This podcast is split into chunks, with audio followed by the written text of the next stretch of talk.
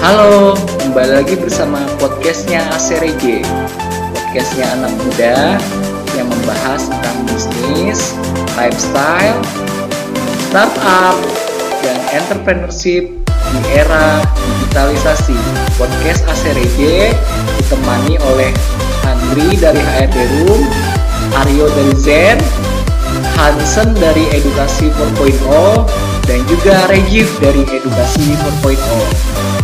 Ikutan terus ya podcast ACRJ Podcast dan nikmati layanannya hanya di Anchor dan Spotify. Simak terus podcast ACRJ.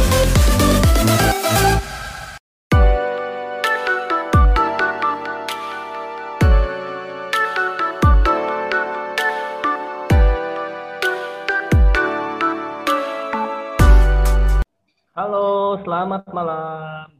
Lagi bersama kita dari podcast ACRJ bersama saya Aryo dan rekan saya. Dan saya Hansen Loister. Malam ini kita akan kedatangan sebuah bintang tamu yang pasti kalian mungkin uh, banyak kenal dan sudah tidak asing lagi. Mungkin siapa dia, Bro Aryo? Oke. Nah, tadi kan udah disebutin nih sama Bro Hansen. Nah, langsung tanpa berlama-lama ya, mari kita sambut, eh kita sambut uh, suatu pembicara kita yang luar biasa, cantik, muda, energik, uh, punya masa depan yang panjang. kita panggil kakak Tiga Alma dari Oke. Aduh. Panjang banget gua cerita. Iya. Boleh nih dong ngobrol-ngobrol. Boleh dong. Oke. Dari gua dulu ya. Nah, Boleh. mau tanya dong aktivitas saat ini apa?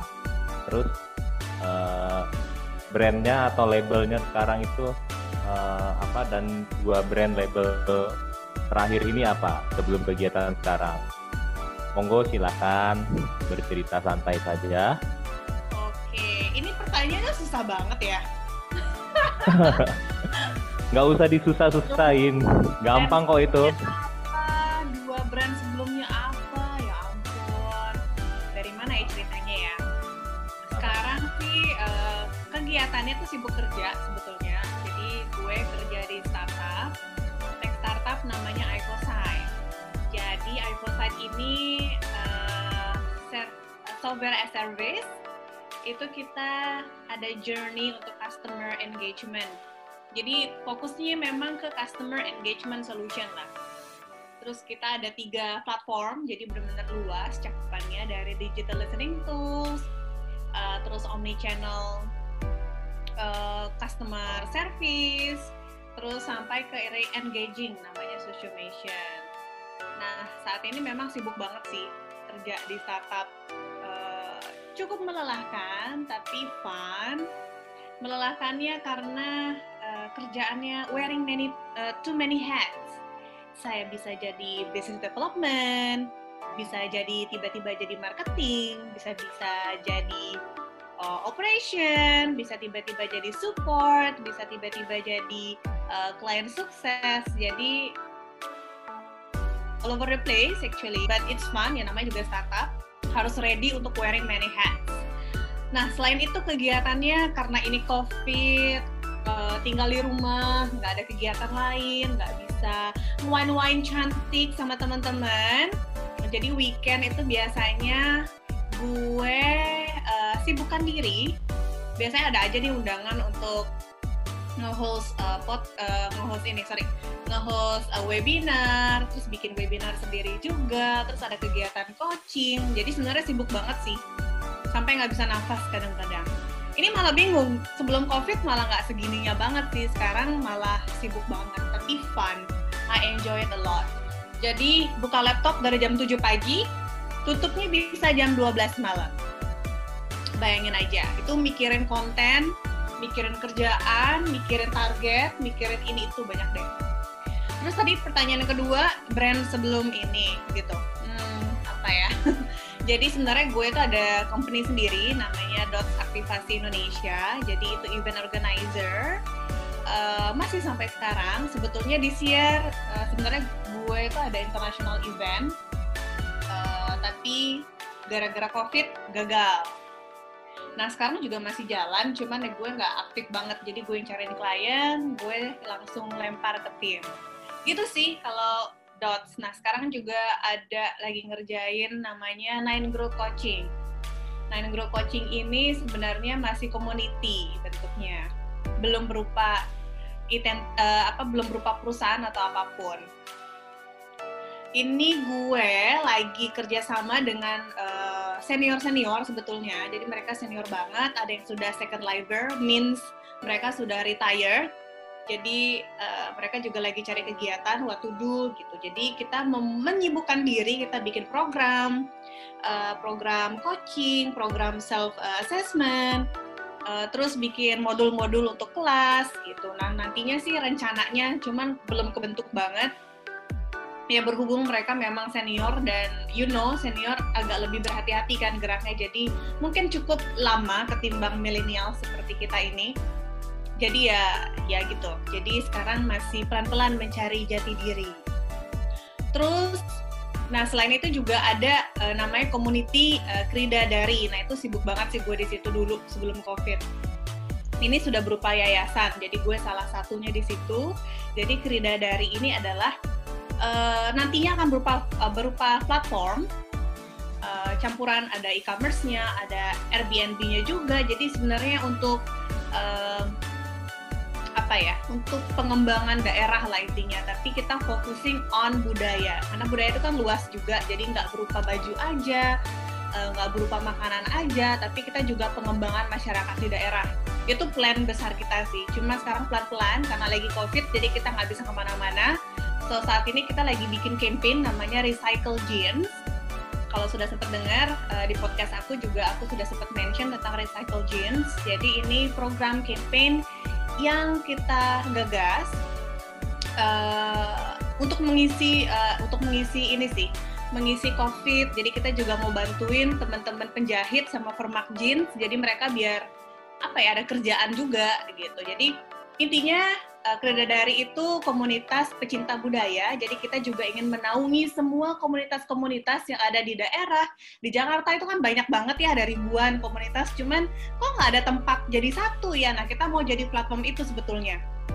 Masih di, uh, apa namanya, masih di, uh, disettingkan seperti apa. Tadi juga tim juga sudah uh, ke Pemda Jakarta tadi, sudah sempat uh, kita mau bikin campaign lagi Kamis Betawi.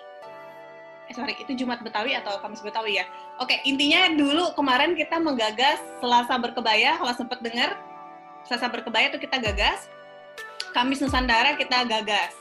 Nah, ini antara Senin atau Jumat gitu, jadi kita mau coba propose, ayo dong uh, giliran Betawi jadi untuk Pemda Jakarta. Gitu sih Aryo, oh ya apalagi ya? Banyak sih sebenarnya kesibukannya. bingung mau jelasin yang mana lagi. Oh ya, aku juga punya podcast namanya Boss Lady. Jadi itu bukan uh, bukan podcast hanya untuk perempuan. Jadi sebenarnya untuk siapa aja, karena gue mikir uh, Boss Lady, yes, uh, di garis bawah ini bosnya ya, sama entrepreneurship mindsetnya. Jadi kalau lady karena emang gue hostnya lady gitu. Gitu Aryo. Oke, aduh Panjang ya, gue sampai nggak nafas. sampai nggak nafas ya. Tapi uh, jangan sampai nggak nafas loh. ya, ini uh, Kak Iga Alma ya, Bro Aryo ya. Nih mungkin banyak teman-teman startup atau milenials yang mungkin nggak asing ya buat Kak Iga Alma karena biasanya dia tuh sering muncul tuh di webinar-webinar atau mungkin di apa namanya podcast podcast podcast ya. Nah tadi menarik sekali Kak Iga Elma itu ikut uh, kerja di startup, kemudian dia punya side project, kemudian dia punya yang namanya komunitas gitu.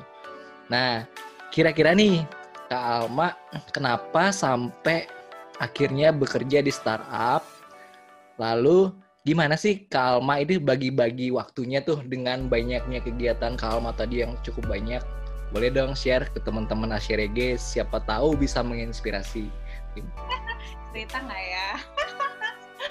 jadi, um, jadi kemarin karena sebenarnya aku di hire oleh seseorang, eh, seseorang, uh, investor, cie, investor si startup ini gitu untuk bantu di sana. So I'm happy to help karena aku juga pengen dapat pengalaman yang benar-benar terjun ke dalam startup uh, yang tech startup ya, yang benar-benar tech startup. Dan aku juga cari ilmunya lah yang pasti. Gimana sih di startup running gitu.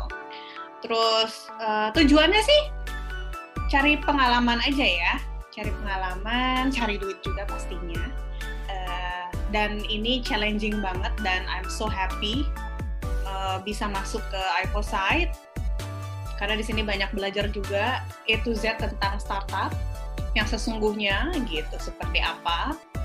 Uh, well startup yang sudah dapat investment ya. Terus uh, kalau yang lain kan belum tuh investment. Jadi ini udah geraknya udah enak lah, udah ada investmentnya. Jadi gue cuma mau lihat nih, gimana sih sebuah startup operate ketika mereka sudah mendapatkan dana. Gitu. Apakah mereka akan terburu-buru untuk menyelesaikan uh, investment itu, ataukah bagaimana? Penasaran kan padaan? Yang belum dapat investment pasti penasaran. Nah, cara gue bagi waktu itu pasti sebenarnya hampir kadang-kadang uh, juga gue kerja hampir 12 jam, 15 jam untuk Ivosite, untuk startup ini. Karena kan gue waktu masuk itu sudah COVID, jadi sudah sebenarnya baru aja masuk si April, first of April. Itu masuk, ini situasinya udah working from home semua. Otomatis gue komunikasi hanya by WhatsApp dan uh, jadi challenging banget. Jadi itu Z-nya ya gue mesti belajar sendiri kan. Gue mesti cari tahu sendiri yang ini pegang siapa ini siapa ya ini orang ini siapa ya gitu. Jadi gue mesti cari sendiri juga cari tahu sendiri. Dan itu serunya sih. Plus gue rasa juga I don't know ya kata mereka sih yang sudah lama di sana uh, COVID dan working from home malah bikin jadi lebih efektif sebetulnya. Gitu. Terus ya membagi waktunya ya ya bagi waktu aja sadar diri ya. Maksudnya uh, lo as a person lo jadi karyawan lo sudah sign up as a ya sudah jadi karyawan sebuah perusahaan ya lo harus kerjain dengan sebaik-baiknya. Jadi lo jangan bagi-bagi waktu. Pada saat harusnya kerja lo ngerjain kerjaan kantor lo jangan ngerjain kerjaan side hustle lo gitu jadi uh, back to personal uh, masing-masing sih ya. Nah kalau gue sih bagi waktunya kalau gue sempet dan lagi nggak ada kerjaan, maksudnya kerjaannya nggak benar-benar numpuk, ya gue bisa lah untuk ngisi webinar dan biasanya juga webinar gue mintanya pasti after working hour kayak jam 7 malam itu kan gue udah bebas tugas dong Nah selanjutnya kalau memang habis dari webinar ternyata masih ada banyak kerjaan ya gue lanjut lagi kerja sampai jam 11-12 biasanya. Terus kalau weekend, kadang juga weekend kan namanya juga SAS, pasti kan ada uh, tim untuk support. Nah biasanya kan mungkin ada kendala atau apa dari klien gitu kan. Jadi yang mesti dijawab juga in the weekend. Jadi kadang-kadang weekend juga kerja. Nah, yang namanya juga startup ya. Ya weekend pastinya gue sibukin diri itu dengan kegiatan yang lain ya kayak tadi coaching. Karena uh, gue kan masih sendiri ini masih single jadi masih bebas banget waktunya nggak kayak yang lain. Kalau tim yang lain mungkin mereka sudah punya keluarga jadi habis kerja jam 5 jam 6 ya mereka harus dengan family dong. Nah kalau gue kan gue nggak ada siapa-siapa Bo. Di rumah ya sudah. Gue kerja gue bikin gue menyibukkan diri untuk kerja juga. Kalau mau keluar juga mau ke mana ya Bo? Lagi begini. Gitu kak Aduh, mantep sekali nih. Panjang banget ya penjelasan gue. Tapi memang apa namanya era pandemi ini memang cukup banyak uh, membuat orang tuh banyak di rumah ya, Bro Aryo ya. Jadi apalagi sekarang tuh tambah banyak ya COVID ya. Dengar-dengar berita gitu ya. Mungkin tambah banyak lagi di rumah memang full tambah banyak lagi di rumah bener. Memang full di rumah, Bro. Kadang-kadang juga kalau gue keluar diajak meeting, gue yang aduh jangan keluar deh bisa nggak kita konkol akhirnya semua berubah jadi konkol aja ya dan gue Oke. malah nyaman Ya.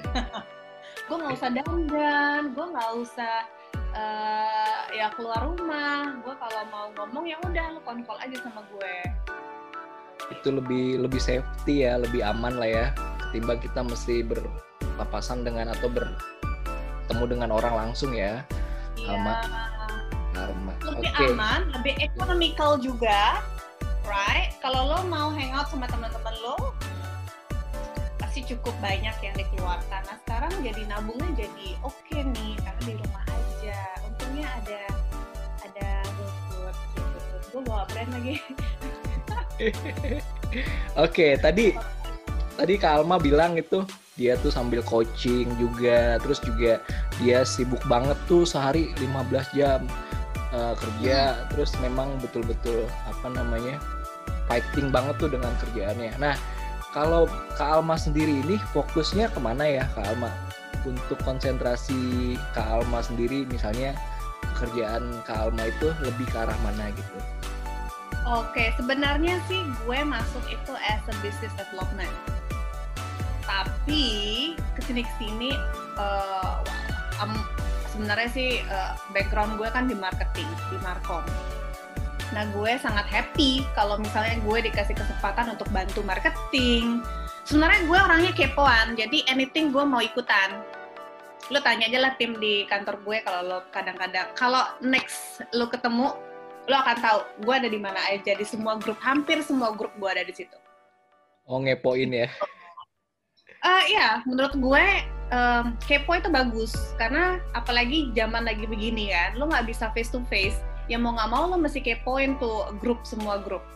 Jadi lo tahu eh, up to date tentang apa yang terjadi di dalam company ini gitu. Kalau enggak ya lo kehilangan berita gitu. Ya, kadang-kadang memang apa namanya eh, informasi itu kita bisa gali itu lewat semuanya menyeluruh kita cari tahu ya. Kadang-kadang Iya. itu eh, dilakukan.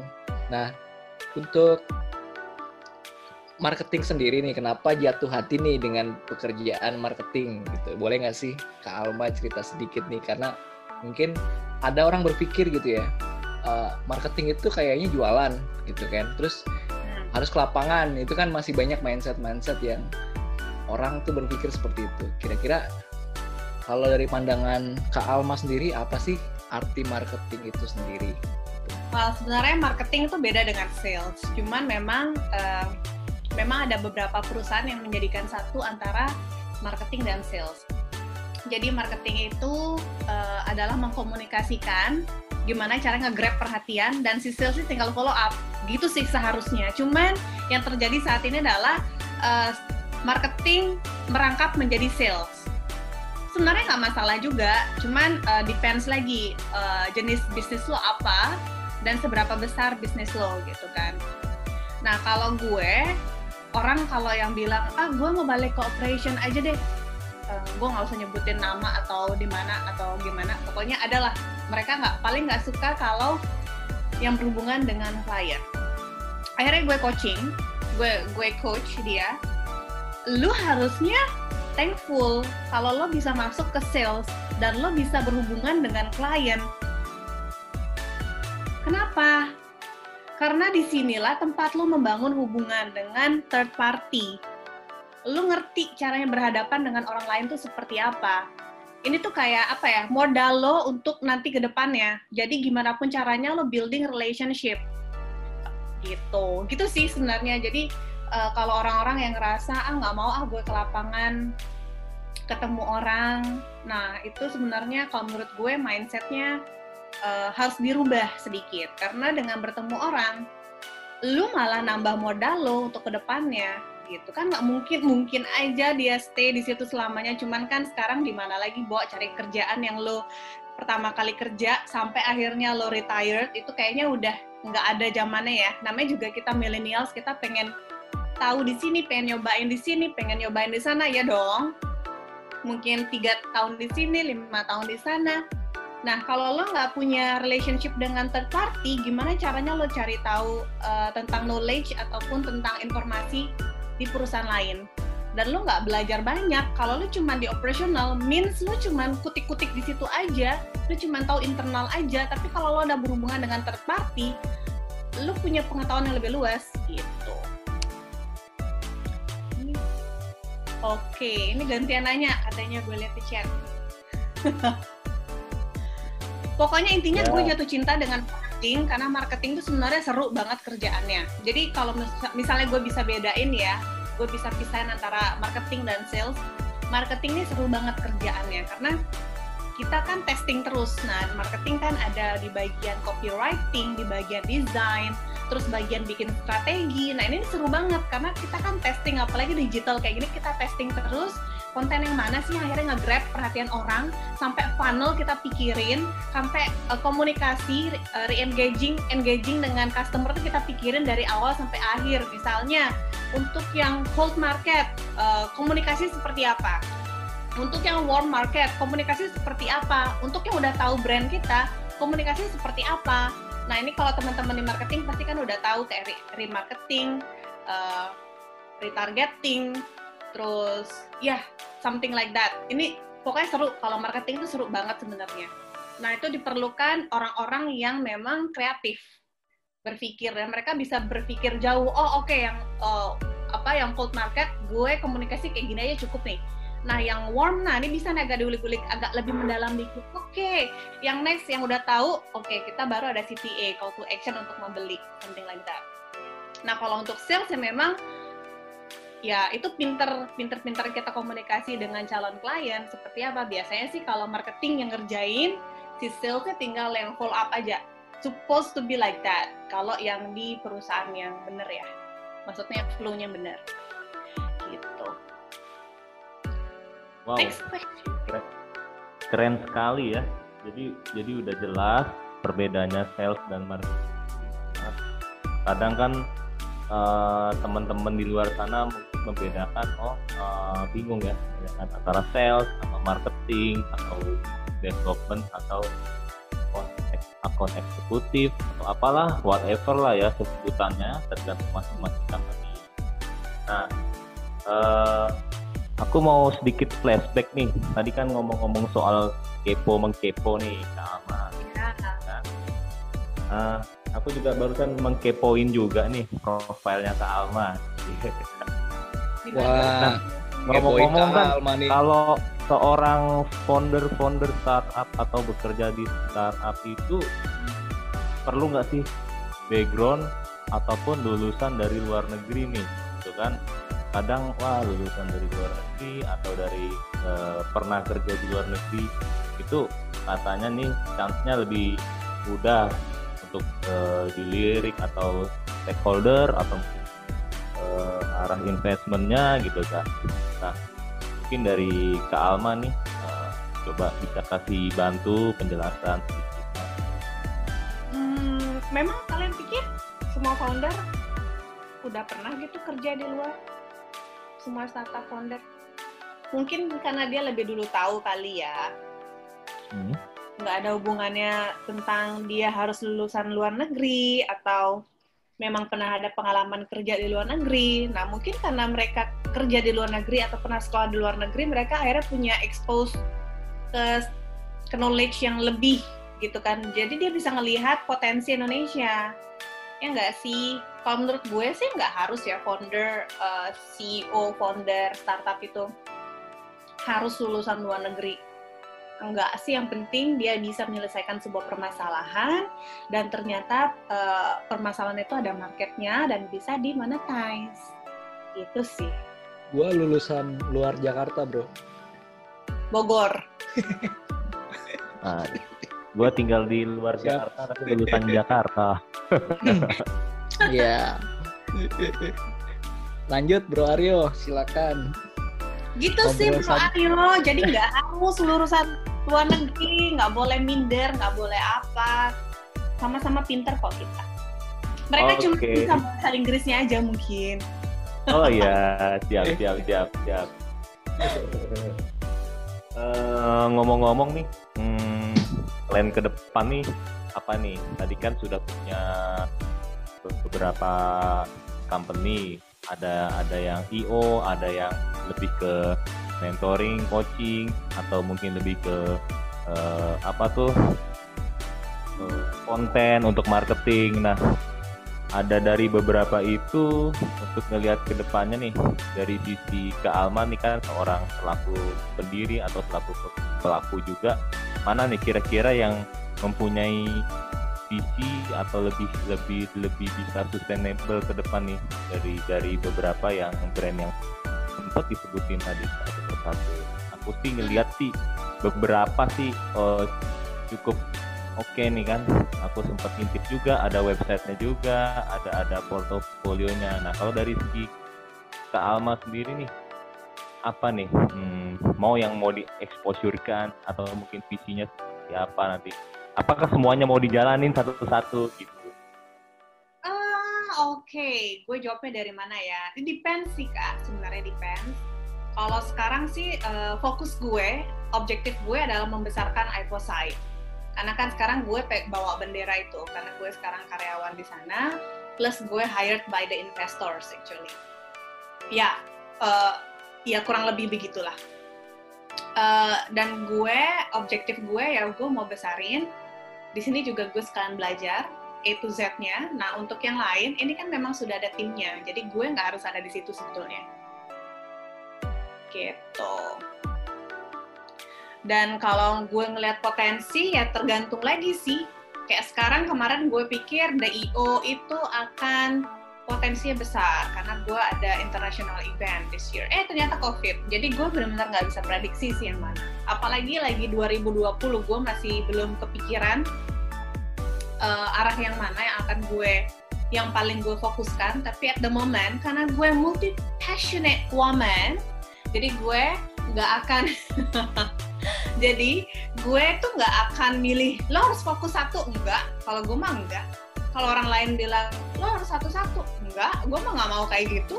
Ini hidup gue gue emang gue sukanya banyak gitu. Jadi kita lihat aja lah nanti yang mana uh, yang mana bisa besar. Bener banget. Nah. Oke. sukanya banyak. Berarti itu oh, oh BM kak. Kalian juga kan BM banyak maunya. hmm? yang penting ya. dikerjain aja yang penting dikerjain aja. Dikerjain dan dapat money make money. Ya dong. Uh, ya sekarang kalian lihat aja yang mana yang bisa dimonetize itu dulu kan. Itu dulu difokusin. Jadi mau nggak mau kan kalian masih harus hidup kan? Day to day. Ya betul.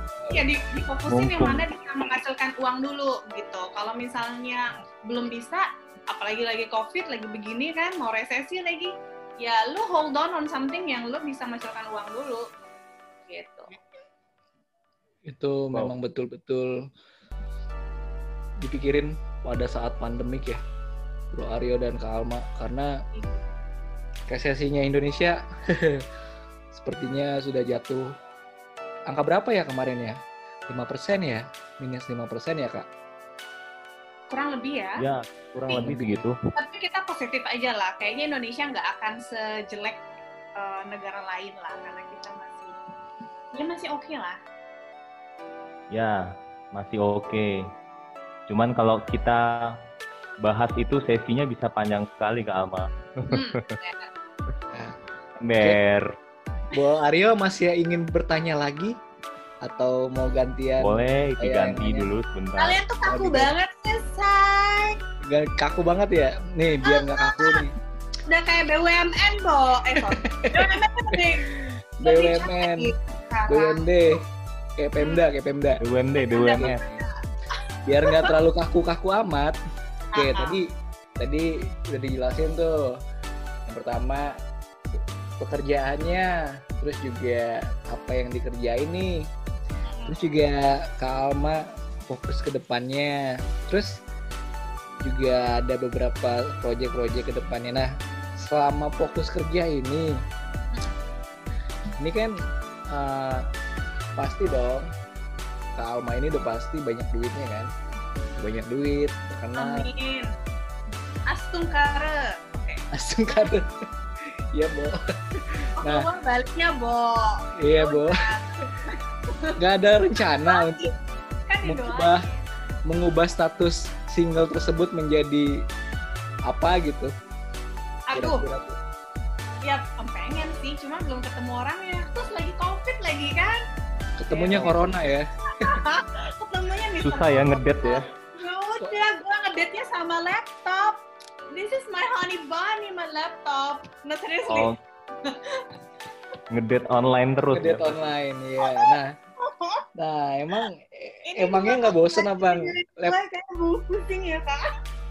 laptopnya tiap hari dipegangin terus kasihan tuh laptop cium-cium kak. Tiap hari gue pegang-pegangin. Laptopnya itu hari. boyfriend. Stres dia.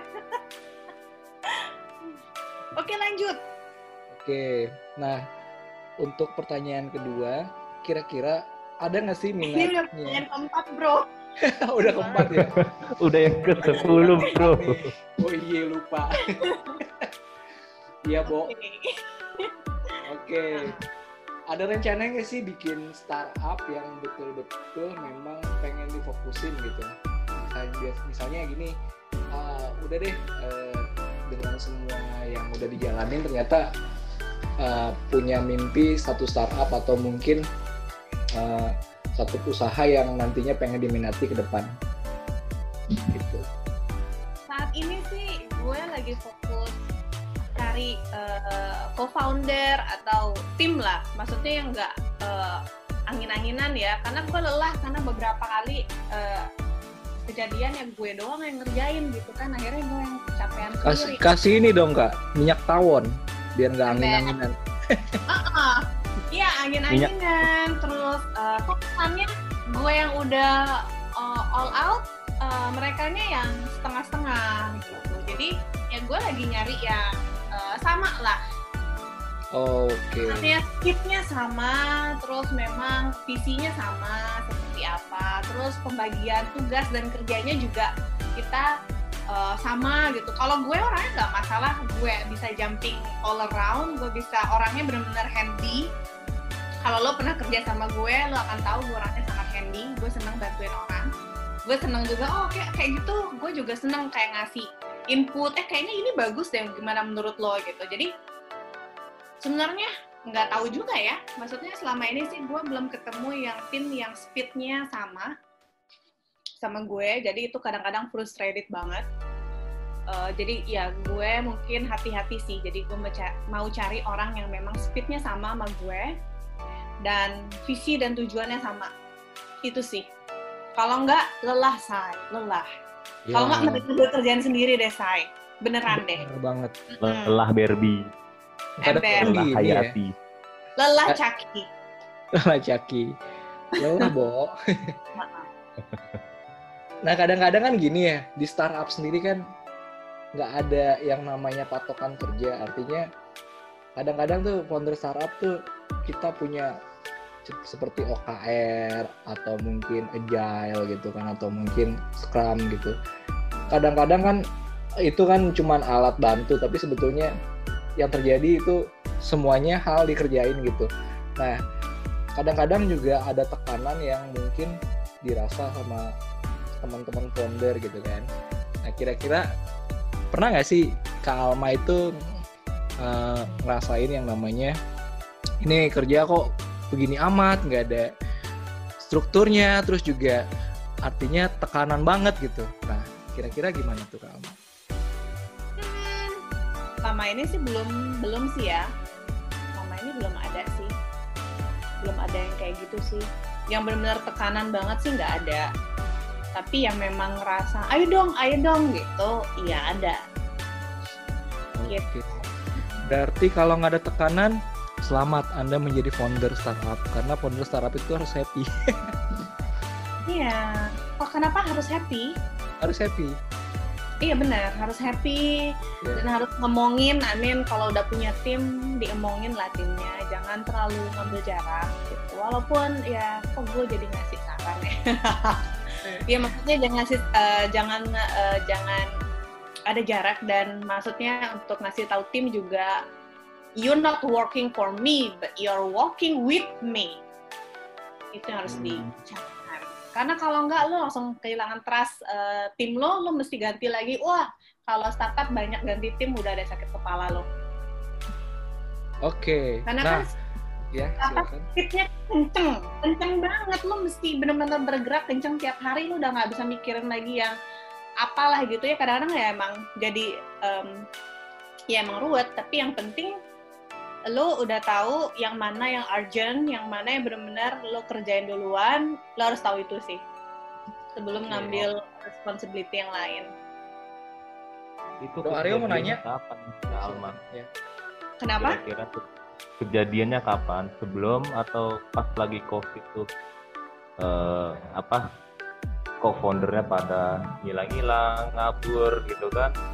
Atau gimana? Karena oh sebelum ini, iya, gimana gimana? Ngabur.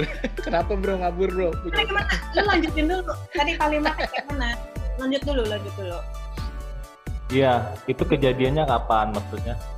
Sebelum atau pas lagi COVID ya? Kan ah sebelum COVID mungkin orang semangat semangat semangat. pas lagi COVID kan jadi jarang ketemu nih atau mungkin eh, susah komunikasinya.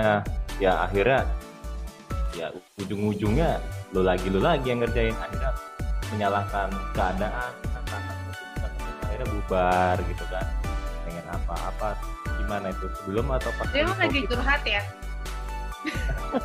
Ini lagi Pertanyaannya dia adalah mencerminkan permasalahan dari itu. Oh iya dong, oh iya jelas. tahu aja, tahu aja.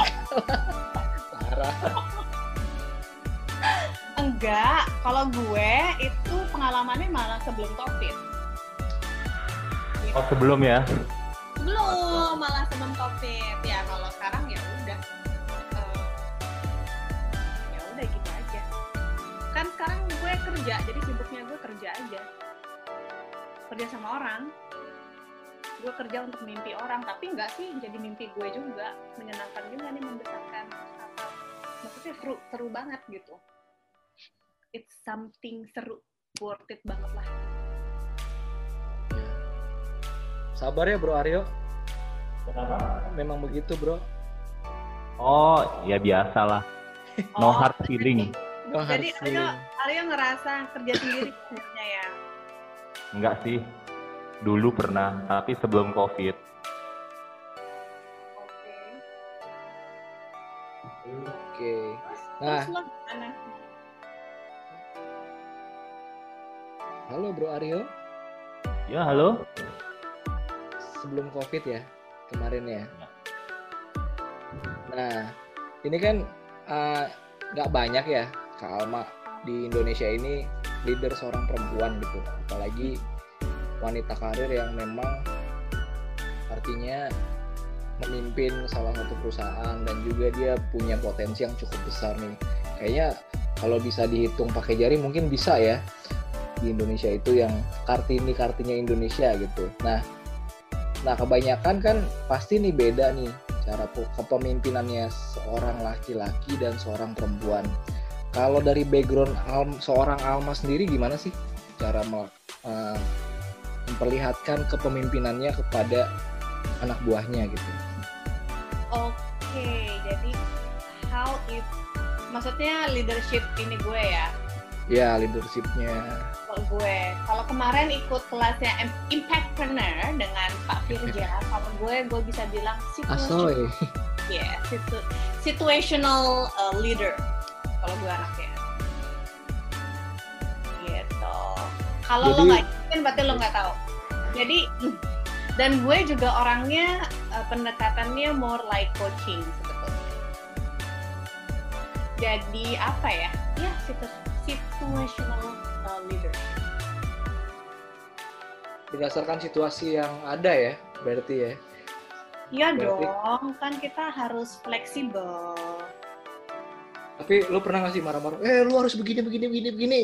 Lu harus Oh. gini, gini. Yang bikin Kalau orang tegas- jadi, oh, Oh. serem banget nih. Oh enggak enggak. Kalau tegas Iya. iya, tegas. Misalnya kayak situational yang kemarin uh, sempat dicontohin gitu kan, gue udah kasih Iya. tahu uh, A B C D gitu, dan dia bilang mengerti. Oh ternyata nggak dikerjain. ya pasti gue dudukin dong one on one. Oh ini kenapa nggak jadi ya gitu. Oh karena kan nggak bisa begitu. Menurut kamu gimana kalau seandainya aku begitu? Jadi aku balikin. Gitu. Jadi nggak Oke. pernah yang harus harus gini lah enggak lah itu kan kalau- dan gue orangnya juga bukan micromanage kecuali gue tahu dia bukan di tempat yang maksudnya em, eh, apa ya eh, skill knowledge-nya belum nyampe sana ya gue akan arahkan jadi habis ini ini ya habis ini ini udah ngerti belum udah Belum. kalau misalnya dia bilang belum oke gue kasih contohnya dulu.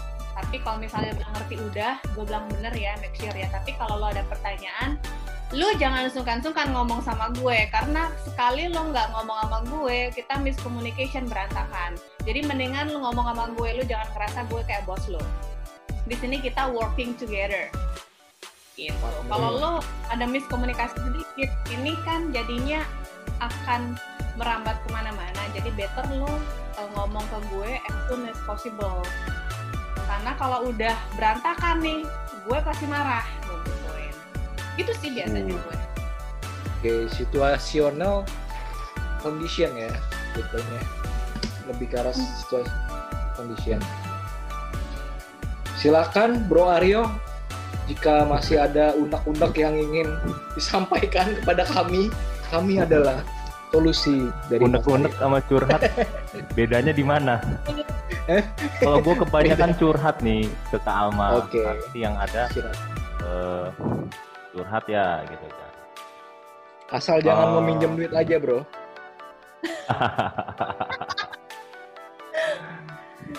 Dalam bentuk saham lah pinjam duitnya. Oke. Enak. Equity ya. Oh iya, Kak Alma nih, tadi kan udah dikupas tuntas sih, dikupas abis nih. Eh, nah, tadi sudah ditanyain mengenai background udah, latar belakang udah, eh, apalagi ya, Eh, usaha udah, karir udah. Nah, untuk soal, eh, soal apa tadi ya? Soal Soal apa nih, Bro? soal ke depannya soal soal, Soal- planning nih soal udah jumlah punya jodoh ya. belum gitu Kak, eh udah belum itu tadi tadi Udin ya Allah oh Udin Udah tadi Ah, yang, Udin. yang belum yang belum tuh total kekayaannya, Bro. Gila. total kekayaannya bukan total valuasinya Top number one se rumahnya dari mana tuh? Misalnya se Bekasi atau se Jakarta itu top number one. yang pasti bukan di pinggiran Jakarta bro Oke. Atau di Bali ya, top number one Bali.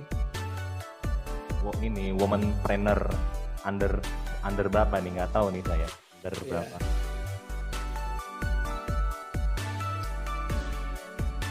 Oke. apa pertanyaannya bro Mau Ya, ini di interview malah nanya nggak ada yang ditanya Oke. lelah ya Gua tanya kali ya, Bro. Oke. ya boleh ditanyakan lagi karena tadi gue udah sekali nanya langsung tiga pertanyaan kan gua. dia Parno nanya gue karena gue akan bilang oh lo lagi begitu ya keadaannya dia gitu Iya iya iya. Kalau sesi curhat mungkin bisa calling langsung berdua, Bro. Waduh. Asal jangan minjem duit aja, Bro. Ujung-ujungnya Waduh. gue butuh dana nih sekian sekian sekian. Ini kedengeran senasional bro. Oh, kita kan lagi nge-podcast ala-ala, Bro. Oke. Apa-apa. Ngobrol santai. Hmm. Iya. oh iya kalau- tadi belum dijawab itu berapa nih total kekayaan? masih aja dibahas. Udah udah udah. Oke. Skip, skip. Lanjut lanjut bro. Oke. Hansen. Nah, tadi kan semuanya ditanya tuh mulai dari karir, mulai dari uh, passionnya juga, mulai dari kegiatannya, mulai dari sampai kita nanya uh, statusnya juga loh, ya kan? Terus juga iya kita nanya, kurang ajar nih nanyanya ya Oh gini aja bro. kita nanya planning-nya juga. Nah, Kriterianya yang seperti apa? Ih, Wah, kalau kalian itu- kepo deh. Kalau itu kepo banget, kepo. Nah, Eh, itu jawaban gue. Ih, kepo deh. eh, Rahasia. Oh, rahasia. Nah, Kak Alma juga ternyata selain kepo, tapi tidak mau dikepoin. Hmm. Bener, bener. Kalau soal yang ini mungkin nggak mau dikepoin. Oke. tapi Ayo, habisan pertanyaan interviewer. ini adalah podcast yang pertaniannya tiba-tiba spontan. iya. Apa, mau nanya apa? Apa ya? Gue mikir Eh, udah semua sih pertanyaannya mungkin. Ya harapannya sih ke depan Kalma pasti kan mencari sesuatu yang lebih entah dari eh, mau kerjasama, entah mau eh, berkarir atau mungkin mau bikin startup atau mungkin ya entah mencari jodoh. Nah itu kan kita belum tahu, tapi Kita sama-sama mendoakan. Iya, sa- sama-sama saling support. Ya, doakan saya ya, segera ya, Say. Wah, Amin. Supaya sama seperti kita sudah berkeluarga. Ya kan enak ya, jadi ada kerjaan kan, nggak kayak gue, 15 jam kerja. Ya nggak? oh iya, tadi ditanya daerah mana sih tinggalnya? Ih, kalian kepo deh. Kan Gue ya yang nanya, Aryo yang nanya. Aryo yang nanya. Daripada nanya total Gue- kekayaan kan? Gue Tapi anak yang- Jaksel. Oh, Jack Jacksel ya. Jacksel. Betul. Which is selatannya Jakarta. Oke. Berarti I know, I know, I see. selama apa namanya eh, coaching ya, Mm-mm. Alma ini kan suka coaching juga. Di mana aja sih biasanya coaching seorang Alma gitu. Bisa kita temukan di mana aja gitu. Misalnya di platform ini atau di event apa dan fokusly biasanya coachingnya memang untuk apa gitu, impactnya gitu. Oke, kalau coaching macam-macam sih, eventnya macam-macam. Ada yang eh, untuk anak kuliahan, untuk anak SM, SMA, SMK. Eh, mix up sih sebenarnya. Jadi untuk eh, bisnis juga UMKM biasanya.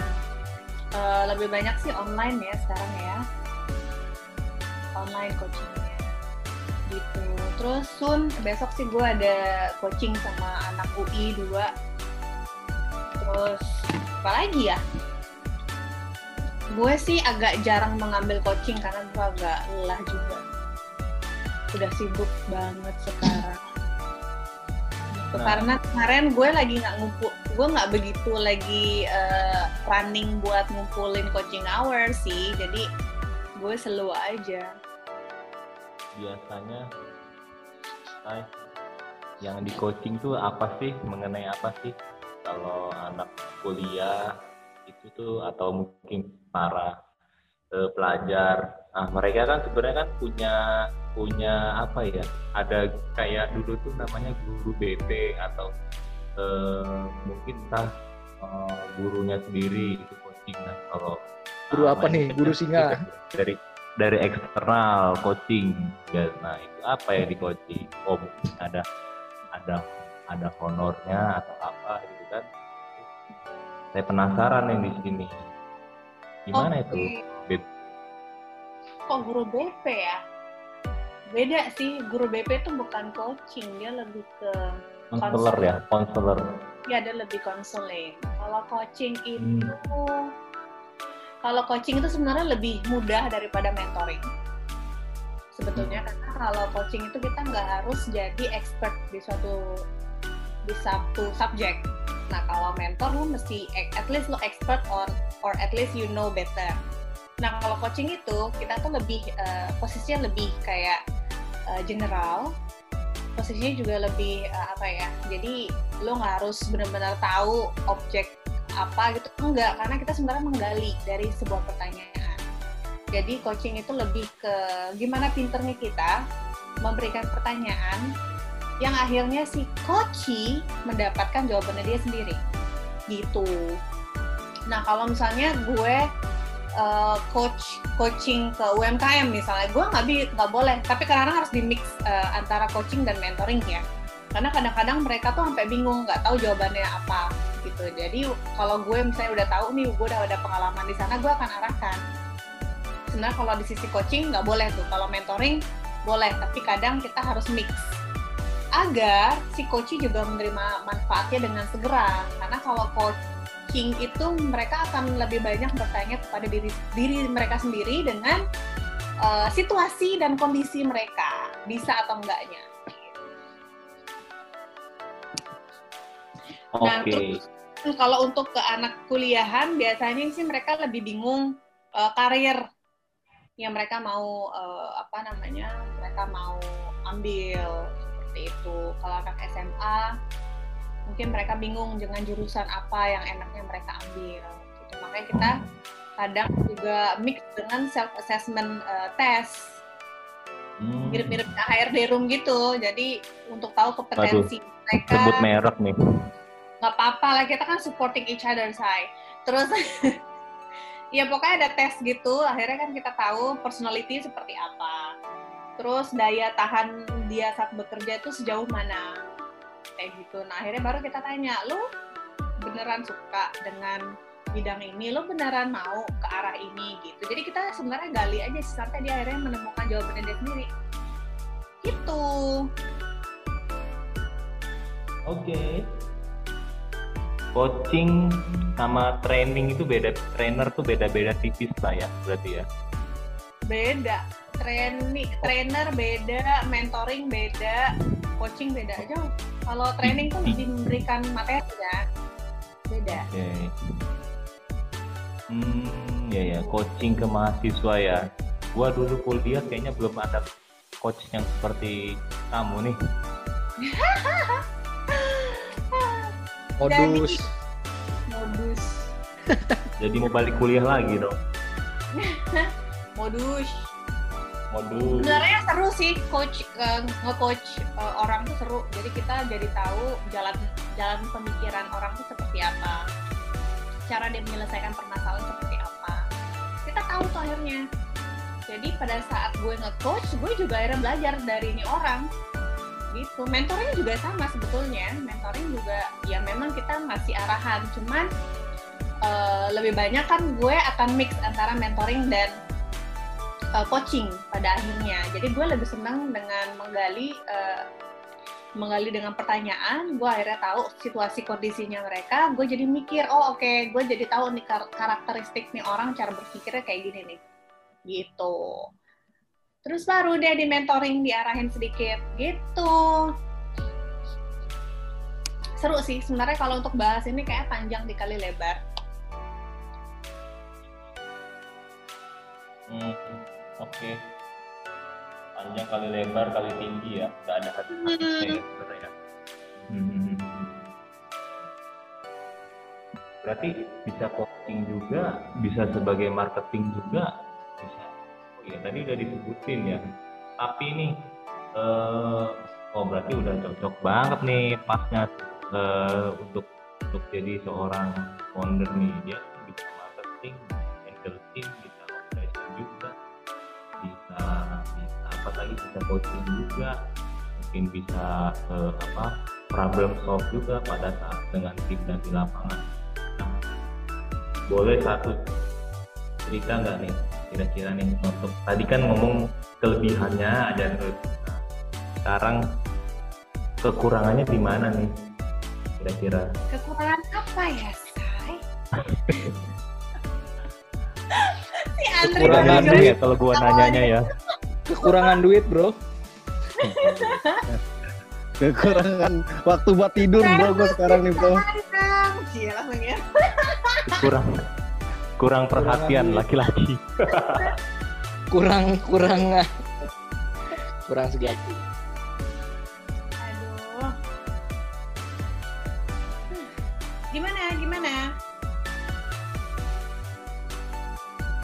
Oke, dijawab saja yang tadi. Nggak ada kurang, alhamdulillah cukup. Iya, Alhamdulillah. Jawaban gue. sumpah ya di sini tuh ada tiga cowok yang nanyain gue, tapi pada mati kutu semua dengan jawaban gue. Andre, Ini Andre, lagi di- nanya. Lagi di interview loh gantian. Ih, Ini tem yang nanya, te- bro. temanya apaan, bro? Eh, kamu temanya apa? Temanya warung kopi, bebas nanya. Bebas, bebas. Oh, bebas Oh, tanya. nanya. Ah-ah. Kan Andre yang belum nanya nih, Aryo Udin, Nathan Udin. Aryo paling banyak. Oh, Kalma mau nanya dong. Iya, Kalma milih cow- cowok milih lebih mending cowok apa karir? Waduh. dua-duanya dong. Gimana sih? Gue disuruh mi- milih yang enggak-enggak adalah dua-duanya dong. Alma milih Andri apa Aryo? Hmm, tiga-tiganya boleh nggak? Eh, salah ya. Waduh, luar biasa. Berat bro. Apartemen apa Three, three in one. rumah? Eh, rumah dong. Eh, apartemen juga boleh dua-duanya deh. Eh, ini ini gimana sih? Pajero, Pajero Sport apa BW? Ini pilihan ganda ya nih. Pilihan ini nih pertanyaan dua opsional ya. Bro Andri. Kayaknya Bro Andri kebanyakan bertanya ke calon karyawan ya, psikotes nih. Iya. Antara kalau nggak ke calon karyawan, kalau nggak kayak mau nembak cewek nih. Balik Yaudah, lagi. bro, sorry, sorry. Tadi habis meeting lagi. habis meeting tim sama eh, tadi pendekatan PDKT sama salah satu visi sih. Iya. Lagi ngitung duit. Ajak-ajak lah bro. Oh, oh, Cari sesuap nasi segenggam berliannya bro. Jangan lupakan aneh dong. Tenang bro, kita ajak aja. Dan juga Bisnisnya dari Singapura. dari Singapura.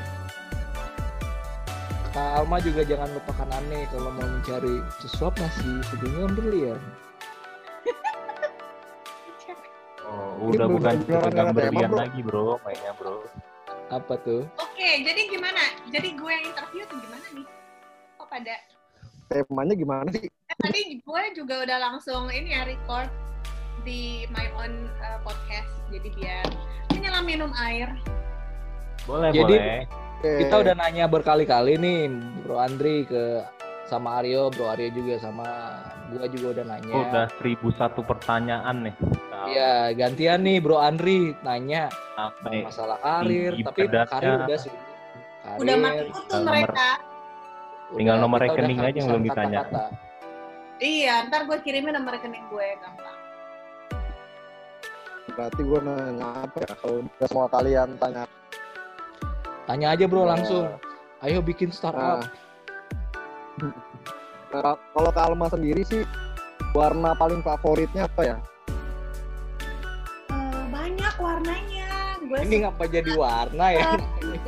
gue suka putih gue suka pink gitu Oh, berarti lebih banget ya suka putih sama suka pink. hitam pink Bro Aryo warnanya sukanya apa? pink deh se Anjay, pink. Oh, sudah tadi seribu banget, satu bro. pertanyaan. iya dia udah lelah dia nggak mau nanya lagi ke gue karena setiap dia nanya gue bilang lu lagi curhat ya tuh permasalahan lu yang gue tanya ya Hmm, itu dia. nggak apa-apa bro mungkin saya bisa menyelesaikan bro gue Kayaknya, mau nanya, ya, memang. ini mau, mau nanya serius sih Kalma nih, ya udah sambil serius curhat ke Cucol ya.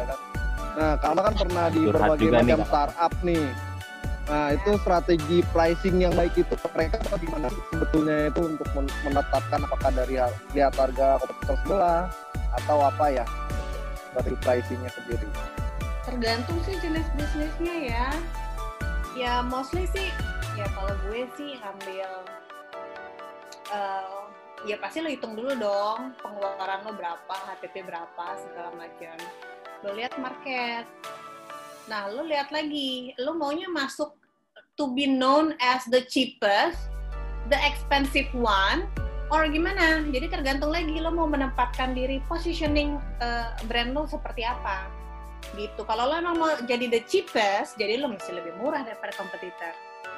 Tapi kalau lo memang mau jadi yang the best, to the best, ya lo lihat dulu kompetensi lo, produk lo seperti apa, apakah bisa menyaingi tetangga atau enggak. Pasti lo nggak ngadain market research dulu dong. Nah dari situ ketahuan. Kalau emang barang lo jauh lebih bagus, kenapa jadi lebih paling murah? Gitu bro.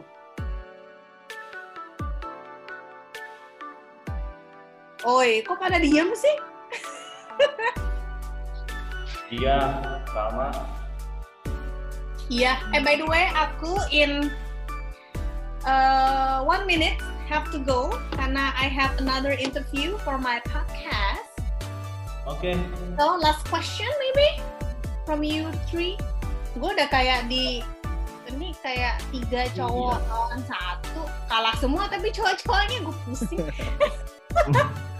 Kita give up. ya udah kata-kata perpisahannya aja apa apa.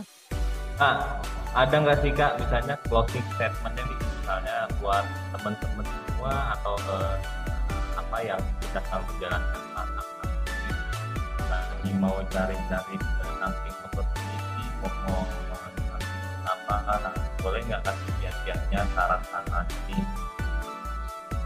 Oke, okay, closing statementnya yang mungkin ya mungkin dari Kak Alma nih nanti teman-teman yang lain?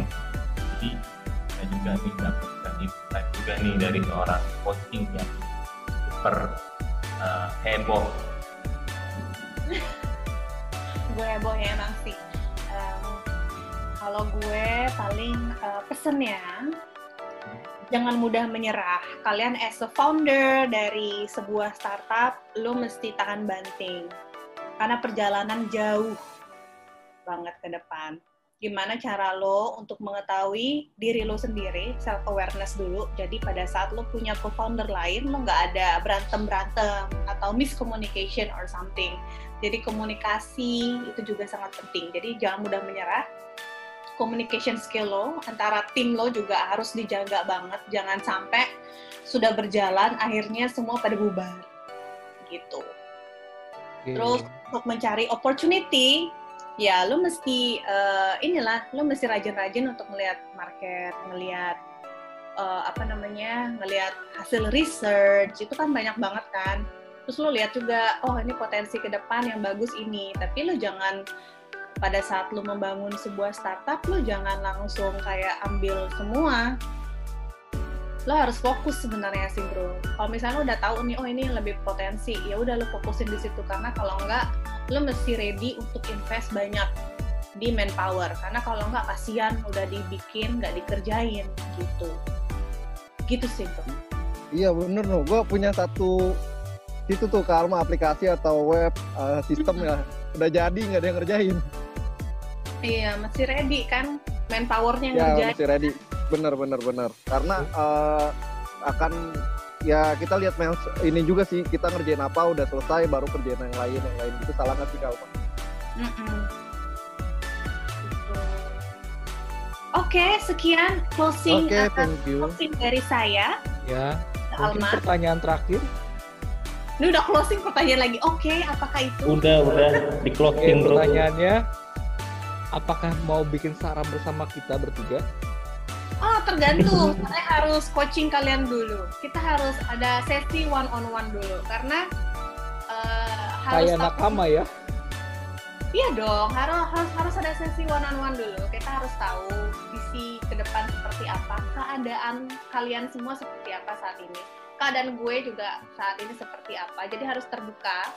Jadi biar tahu apa namanya kalau emang mau kerja sama kita benar-benar harus open banget oh ini this is what happened this is my situation this is uh, working hour yang gue bisa dedicated untuk ini startup itu mesti diomongin lah panjang lebar lebar dan apa something yang emang kita sukain sama sama maksudnya yang mau kita gedein bersama-sama gitu Nah, itu dia.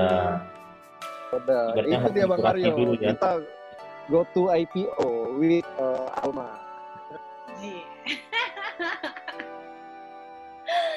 Oke. kan kita lagi ada startup nih itu kan butuh waktu kalian kan waktunya habis juga untuk ngerjain startup yang current dikerjakan Bener, bener banget. Bener, Pak. Itu ada Bang Aryo nanti bisa waktunya tinggal. Raja waktu sih Bang Aryo. Kenapa bang? Oke. Oke. Mungkin dari kita bertiga itu aja. Hai Aku banget kata. Ya, jangan jangan Jangan bosan-bosan ketemu kita lagi. kita Besok mungkin Kalma lebih cantik lagi gitu ya. Biar tambah. Kayaknya malam Jumat enak nih bro open bro. apa tuh bro? Itu eh, mungkin nanti podcastnya kita edit dulu ke Alma. Di, iya ada beberapa mungkin kata-kata yang harus diedit juga. nanti Banyak sebut merek ini kayaknya tadi. yang tit nanti dibikin tit gitu kan. Ah, Terus didengerin. ada bikin tete semua Jangan dibikin tit semua. gitu Tit. Kalau semuanya dibikin tit, dengerin apaan nih podcastnya? Bikin dua aja bro. Hah? Kan bikin semua bikin dua. bikin dua ya oke udah jangan bosen-bosen dan mungkin uh, dari kita ya kita juga butuh bimbingan dari seorang coach Alma. Dan aduh saya juga masih belajar. Kita sama-sama belajar ya. Oke, mungkin bes- besok-besok kita bikin ini bro, eh, apa sih? Kayak roadmap atau jadwal scheduling biar teman-teman di luar sana tahu nih apa-apa aja gitu. Atau kita terstruktur podcastnya kayak gitu sih bro. oke tapi mungkin uh, nextnya kita nggak tahu nih uh, Kak Alma mau lagi nggak podcast di ASRJ karena schedule-nya Nanti Karena akan di- schedule pada. di ya betul sekali padat. Dan uh, nggak mungkin kan Kak Alma juga yang kita undang terus menerus pastinya Iya gantian yang lain. Tapi pasti ya komunikasinya tetap berjalan. Mudah-mudahan satu frekuensi dan bisa memberikan impact ke banyak orang ya. Mungkin itu sih. Ya kan? Siap, Ya, Oke, dari- siap. ada Halo, kembali lagi bersama podcastnya ACRG Podcastnya anak muda yang membahas tentang bisnis, lifestyle, startup, dan entrepreneurship di era digitalisasi. Podcast ACRG ditemani oleh Andri dari HRD Room, Aryo dari Zen, Hansen dari Edukasi 4.0 dan juga Regif dari Edukasi 4.0. Ikutan terus ya podcast ACRJ Podcast dan nikmati layanannya hanya di Anchor dan Spotify. Simak terus podcast ACRJ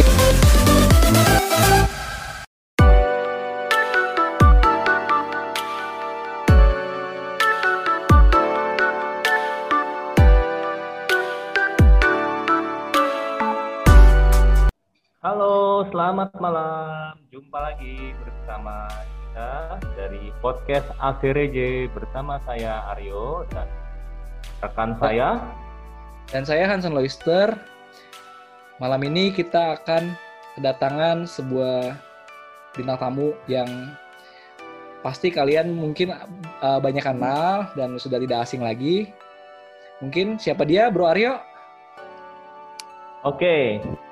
Nah, tadi kan udah disebutin nih sama Bro Hansen. Nah, langsung tanpa berlama-lama ya, mari kita sambut, eh kita sambut eh, suatu pembicara kita yang luar biasa, cantik, muda, energik, eh, punya masa depan yang panjang. kita panggil kakak tiga Alma dari Oke.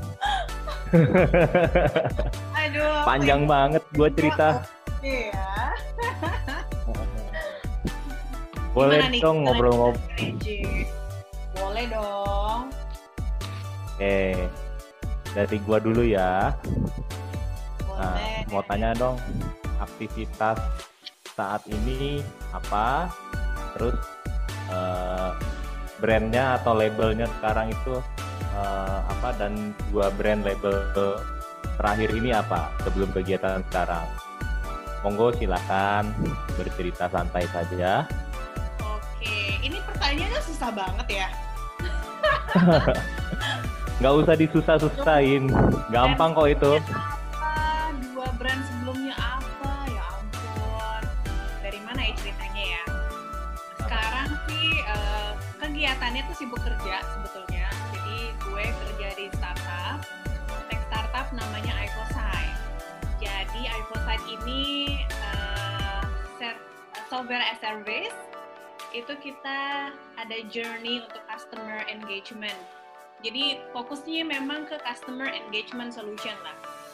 Terus kita ada tiga platform, jadi benar-benar luas cakupannya dari digital listening tools, uh, terus omni-channel uh, customer service, terus sampai ke engaging namanya socialization. Nah saat ini memang sibuk banget sih kerja di startup.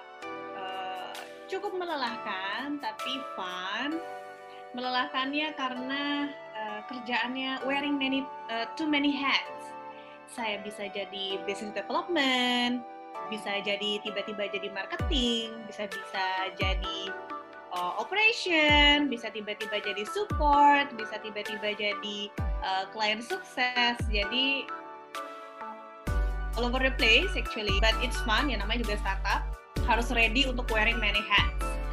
Nah selain itu kegiatannya karena ini covid, uh, tinggal di rumah, nggak ada kegiatan lain, nggak bisa wine-wine cantik sama teman-teman.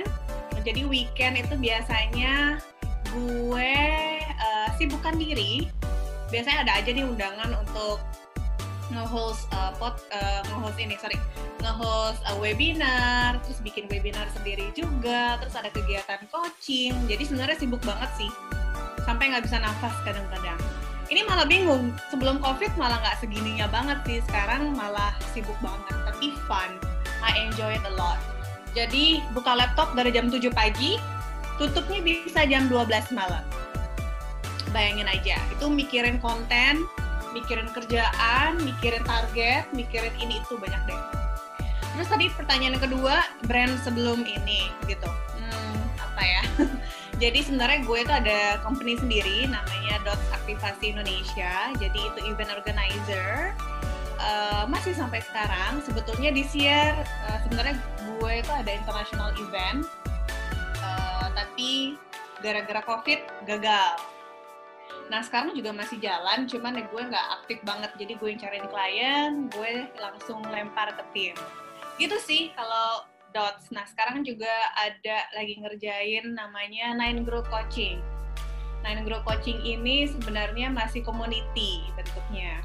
Belum berupa ident, uh, apa belum berupa perusahaan atau apa pun. Ini gue lagi kerjasama dengan uh, senior-senior sebetulnya. Jadi mereka senior banget. Ada yang sudah second liver, means mereka sudah retire jadi uh, mereka juga lagi cari kegiatan what to do gitu jadi kita menyibukkan diri kita bikin program uh, program coaching program self assessment uh, terus bikin modul-modul untuk kelas gitu nah nantinya sih rencananya cuman belum kebentuk banget ya berhubung mereka memang senior dan you know senior agak lebih berhati-hati kan geraknya. Jadi mungkin cukup lama ketimbang milenial seperti kita ini. Jadi ya ya gitu. Jadi sekarang masih pelan-pelan mencari jati diri.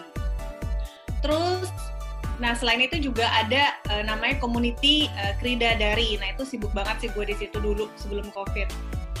Ini sudah berupa yayasan. Jadi gue salah satunya di situ. Jadi Krida Dari ini adalah uh, nantinya akan berupa uh, berupa platform. Uh, campuran ada e-commerce-nya ada Airbnb-nya juga. Jadi sebenarnya untuk uh, apa ya untuk pengembangan daerah lah intinya. Tapi kita focusing on budaya. Karena budaya itu kan luas juga jadi nggak berupa baju aja nggak berupa makanan aja tapi kita juga pengembangan masyarakat di daerah. Itu plan besar kita sih. Cuma sekarang pelan-pelan karena lagi covid jadi kita nggak bisa ke mana-mana so saat ini kita lagi bikin campaign namanya recycle jeans kalau sudah sempat dengar uh, di podcast aku juga aku sudah sempat mention tentang recycle jeans jadi ini program campaign yang kita gagas uh, untuk mengisi uh, untuk mengisi ini sih mengisi COVID. Jadi kita juga mau bantuin teman-teman penjahit sama permak jeans. Jadi mereka biar apa ya ada kerjaan juga gitu. Jadi intinya uh, Dari itu komunitas pecinta budaya. Jadi kita juga ingin menaungi semua komunitas-komunitas yang ada di daerah. Di Jakarta itu kan banyak banget ya ada ribuan komunitas. Cuman kok nggak ada tempat jadi satu ya. Nah kita mau jadi platform itu sebetulnya. Masih di uh, apa namanya masih di uh, disettingkan seperti apa. Tadi juga tim juga sudah uh, ke Pemda Jakarta tadi udah sempet uh, kita mau bikin campaign lagi Kamis Betawi. Eh sorry, itu Jumat Betawi atau Kamis Betawi ya? Oke, intinya dulu kemarin kita menggagas Selasa Berkebaya, kalau sempat dengar Selasa Berkebaya itu kita gagas, Kamis Nusantara kita gagas. Nah ini antara Senin atau Jumat gitu, jadi kita mau coba propose, ayo dong uh, giliran Betawi jadi untuk Pemda Jakarta. Gitu sih Aryo, oh ya apalagi ya? Banyak sih sebenarnya kesibukannya. Bingung mau jelasin yang mana lagi. Oh ya, aku juga punya podcast namanya Boss Lady. Jadi itu bukan uh, bukan podcast hanya untuk perempuan. Jadi sebenarnya untuk siapa aja karena gue mikir uh, Boss Lady yes uh, di garis bawah ini bosnya ya sama entrepreneurship mindsetnya. Jadi kalau lady karena emang gue hostnya lady gitu. Gitu Aryo. Oke, aduh Panjang ya, gue sampai nggak nafas. sampai nggak nafas ya. Tapi uh, jangan sampai nggak nafas loh. ya, ini uh, Kak Iga Alma ya, Bro Aryo ya. Nih mungkin banyak teman-teman startup atau milenials yang mungkin nggak asing ya buat Kak Iga Alma karena biasanya dia tuh sering muncul tuh di webinar-webinar atau mungkin di apa namanya podcast podcast podcast ya. Nah tadi menarik sekali Kak Iga Elma itu ikut uh, kerja di startup, kemudian dia punya side project, kemudian dia punya yang namanya komunitas gitu. Nah kira-kira nih Kak Alma kenapa sampai akhirnya bekerja di startup lalu gimana sih Kalma ini bagi-bagi waktunya tuh dengan banyaknya kegiatan Kalma tadi yang cukup banyak? Boleh dong share ke teman-teman Asyirege, siapa tahu bisa menginspirasi. Cerita nggak ya? jadi, um, jadi kemarin karena sebenarnya aku di hire oleh seseorang, eh, seseorang, uh, investor, cie, investor si startup ini gitu untuk bantu di sana. So I'm happy to help karena aku juga pengen dapat pengalaman yang benar-benar terjun ke dalam startup uh, yang tech startup ya, yang benar-benar tech startup. Dan aku juga cari ilmunya lah yang pasti. Gimana sih di startup running gitu. Terus uh, tujuannya sih cari pengalaman aja ya, cari pengalaman, cari duit juga pastinya dan ini challenging banget dan I'm so happy uh, bisa masuk ke iPosite karena di sini banyak belajar juga A to Z tentang startup yang sesungguhnya gitu seperti apa. Uh, well startup yang sudah dapat investment ya. Terus uh, kalau yang lain kan belum tuh investment. Jadi ini udah geraknya udah enak lah, udah ada investmentnya. Jadi gue cuma mau lihat nih, gimana sih sebuah startup operate ketika mereka sudah mendapatkan dana. Gitu. Apakah mereka akan terburu-buru untuk menyelesaikan uh, investment itu, ataukah bagaimana? Penasaran kan padaan? Yang belum dapat investment pasti penasaran. Nah, cara gue bagi waktu itu pasti sebenarnya hampir kadang-kadang uh, juga gue kerja hampir 12 jam, 15 jam untuk iPhone untuk startup ini. Karena kan gue waktu masuk itu sudah COVID jadi sudah sebenarnya baru aja masuk si April, first of April. Itu masuk ini situasinya udah working from home semua. Otomatis gue komunikasi hanya by WhatsApp dan uh, call. Jadi challenging banget. Jadi itu Z-nya ya gue mesti belajar sendiri kan. Gue mesti cari tahu sendiri yang ini pegang siapa, ini siapa ya, ini orang ini siapa ya gitu. Jadi gue mesti cari sendiri juga, cari tahu sendiri. Dan itu serunya sih. Plus gue rasa juga, I don't know ya, kata mereka sih yang sudah lama di sana, uh, COVID dan working from home malah bikin jadi lebih efektif sebetulnya. Gitu. Terus ya membagi waktunya ya ya bagi waktu aja, sadar diri ya. Maksudnya uh, lo as a person, lo jadi karyawan, lo sudah sign up as a ya sudah jadi karyawan sebuah perusahaan ya lo harus kerjain dengan sebaik-baiknya. Jadi lo jangan bagi-bagi waktu pada saat harusnya kerja lo ngerjain kerjaan kantor lo jangan ngerjain kerjaan side hustle lo gitu jadi uh, back to personal uh, masing-masing sih ya. Nah kalau gue sih bagi waktunya kalau gue sempet dan lagi nggak ada kerjaan maksudnya kerjaannya nggak benar-benar numpuk ya gue bisa lah untuk ngisi webinar. Dan biasanya juga webinar gue mintanya pasti after working hour kayak jam 7 malam. Itu kan gue udah bebas tugas dong. Nah selanjutnya kalau memang habis dari webinar ternyata masih ada banyak kerjaan ya gue lanjut lagi kerja sampai jam 11-12 biasanya. Terus kalau weekend, kadang juga weekend kan namanya juga SAS, pasti kan ada uh, tim untuk support. Nah biasanya kan mungkin ada kendala atau apa dari klien gitu kan. Jadi yang mesti dijawab juga in the weekend. Jadi kadang-kadang weekend juga kerja. Nah, namanya juga startup ya.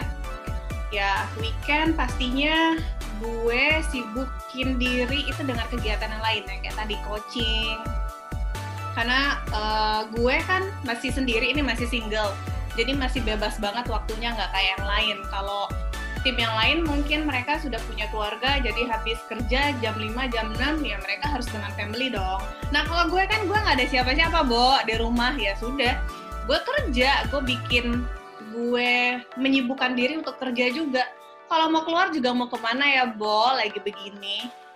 Gitu, Kak. Aduh, mantep sekali nih. Oh, panjang banget ya penjelasan gue. Tapi memang apa namanya era pandemi ini memang cukup banyak uh, membuat orang tuh banyak di rumah ya, Bro Aryo ya. Jadi apalagi sekarang tuh tambah banyak ya COVID ya. Dengar-dengar berita gitu ya. Mungkin tambah banyak lagi di rumah memang. Full tambah banyak lagi di rumah bener emang full di rumah bro kadang-kadang juga kalau gue keluar diajak meeting gue yang aduh jangan keluar deh. Bisa nggak kita konkol akhirnya semua berubah jadi konkol aja. Ya. Dan gue okay. malah nyaman. Yeah. gue nggak usah dandan gue nggak usah uh, ya keluar rumah. Gue kalau mau ngomong ya udah lo konkol aja sama gue. Itu lebih lebih safety ya lebih aman lah ya. Ketimbang kita mesti ber papasan dengan atau bertemu dengan orang langsung ya. Iya. Alma Alma lebih okay. aman lebih ekonomikal juga right? Kalau lo mau hangout sama teman-teman lo pasti cukup banyak yang dikeluarkan. Nah sekarang jadi nabungnya jadi oke okay nih karena di rumah aja. Untungnya ada ada GoFood gitu. Gue bawa brand lagi. Oke, okay, tadi tadi Kak Alma bilang itu dia tuh sambil coaching juga terus juga dia sibuk banget tuh sehari 15 jam uh, kerja hmm. terus memang betul-betul apa namanya fighting banget tuh dengan kerjaannya. Nah kalau Kak Alma sendiri ini fokusnya ke mana ya Kak Alma? Untuk konsentrasi Kak Alma sendiri misalnya pekerjaan Kak Alma itu lebih ke arah mana gitu? Oke, sebenarnya sih gue masuk itu as a business development. Tapi ke sini ke sini uh, um, sebenarnya sih uh, background gue kan di marketing di markom. Nah gue sangat happy kalau misalnya gue dikasih kesempatan untuk bantu marketing. Sebenarnya gue orangnya kepoan jadi anything gue mau ikutan. Lo tanya aja lah tim di kantor gue kalau lo kadang-kadang kalau next lo ketemu lo akan tahu gue ada di mana aja di semua grup hampir semua grup gue ada di situ. Oh ngepoin ya? Uh, ya menurut gue um, kepo itu bagus karena apalagi zaman lagi begini kan lo nggak bisa face to face ya mau nggak mau lo mesti kepoin tuh grup semua grup Jadi lu tahu uh, up to date tentang apa yang terjadi di dalam company ini gitu. Kalau enggak ya lu kehilangan berita. Gitu. Ya, kadang-kadang memang apa namanya uh, informasi itu kita bisa gali itu lewat semuanya menyeluruh kita cari tahu ya. Kadang-kadang Iya. itu uh, dilakukan.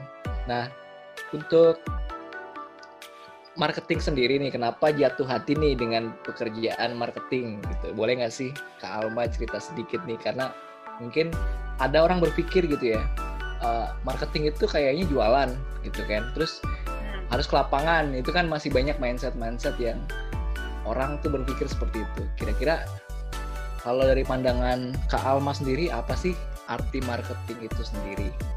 Well, sebenarnya marketing itu beda dengan sales. Cuman memang eh, memang ada beberapa perusahaan yang menjadikan satu antara marketing dan sales. Jadi marketing itu eh, adalah mengkomunikasikan gimana cara nge-grab perhatian dan si sales ini tinggal follow up. Gitu sih seharusnya. Cuman yang terjadi saat ini adalah eh, marketing merangkap menjadi sales. Sebenarnya nggak masalah juga, cuman eh, depends lagi eh, jenis bisnis lo apa dan seberapa besar bisnis lo gitu kan. Nah kalau gue orang kalau yang bilang ah gue mau balik ke operation aja deh, Eh, gue nggak usah nyebutin nama atau di mana atau gimana, pokoknya adalah mereka nggak paling nggak suka kalau yang berhubungan dengan klien. Akhirnya gue coaching, gue gue coach dia. Lu harusnya thankful kalau lo bisa masuk ke sales dan lo bisa berhubungan dengan klien Kenapa? Karena di sinilah tempat lo membangun hubungan dengan third party. Lo ngerti caranya berhadapan dengan orang lain tuh seperti apa.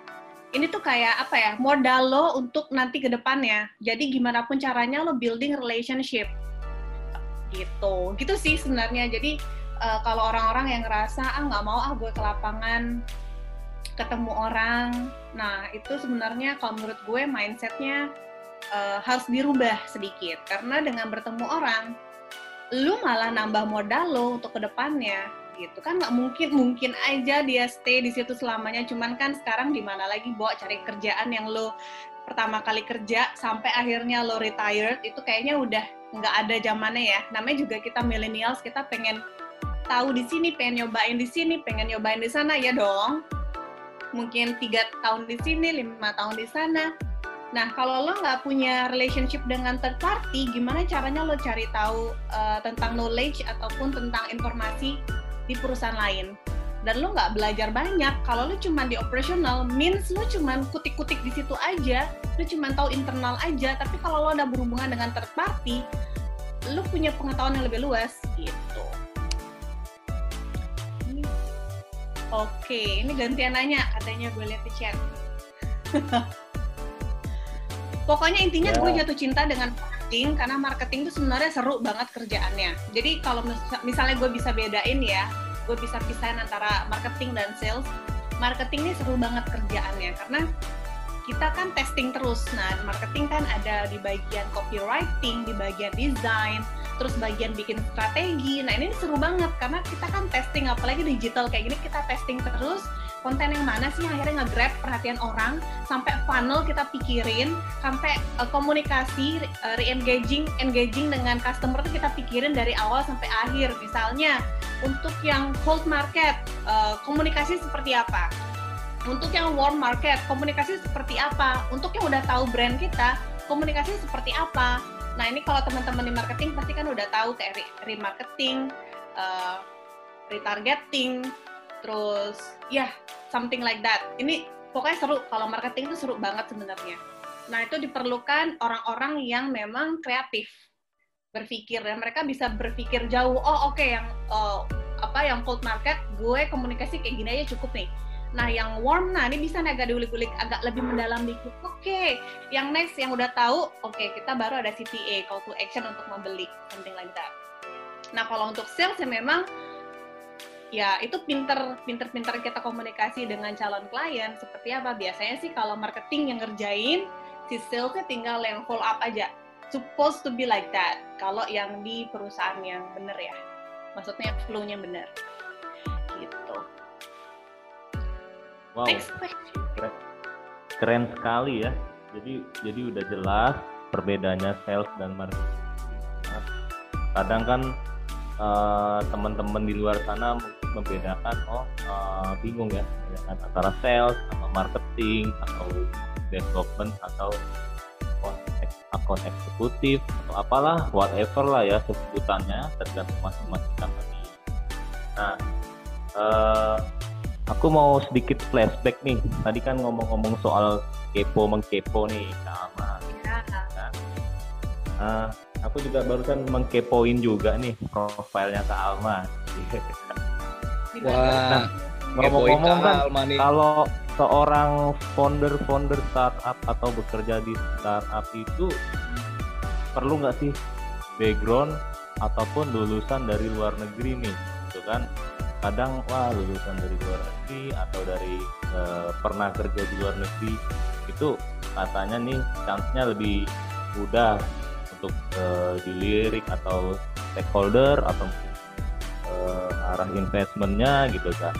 Nah mungkin dari Kak Alma nih eh, coba bisa kasih bantu penjelasan sedikit. Hmm, memang kalian pikir semua founder udah pernah gitu kerja di luar? Semua startup founder? Mungkin karena dia lebih dulu tahu kali ya. Hmm.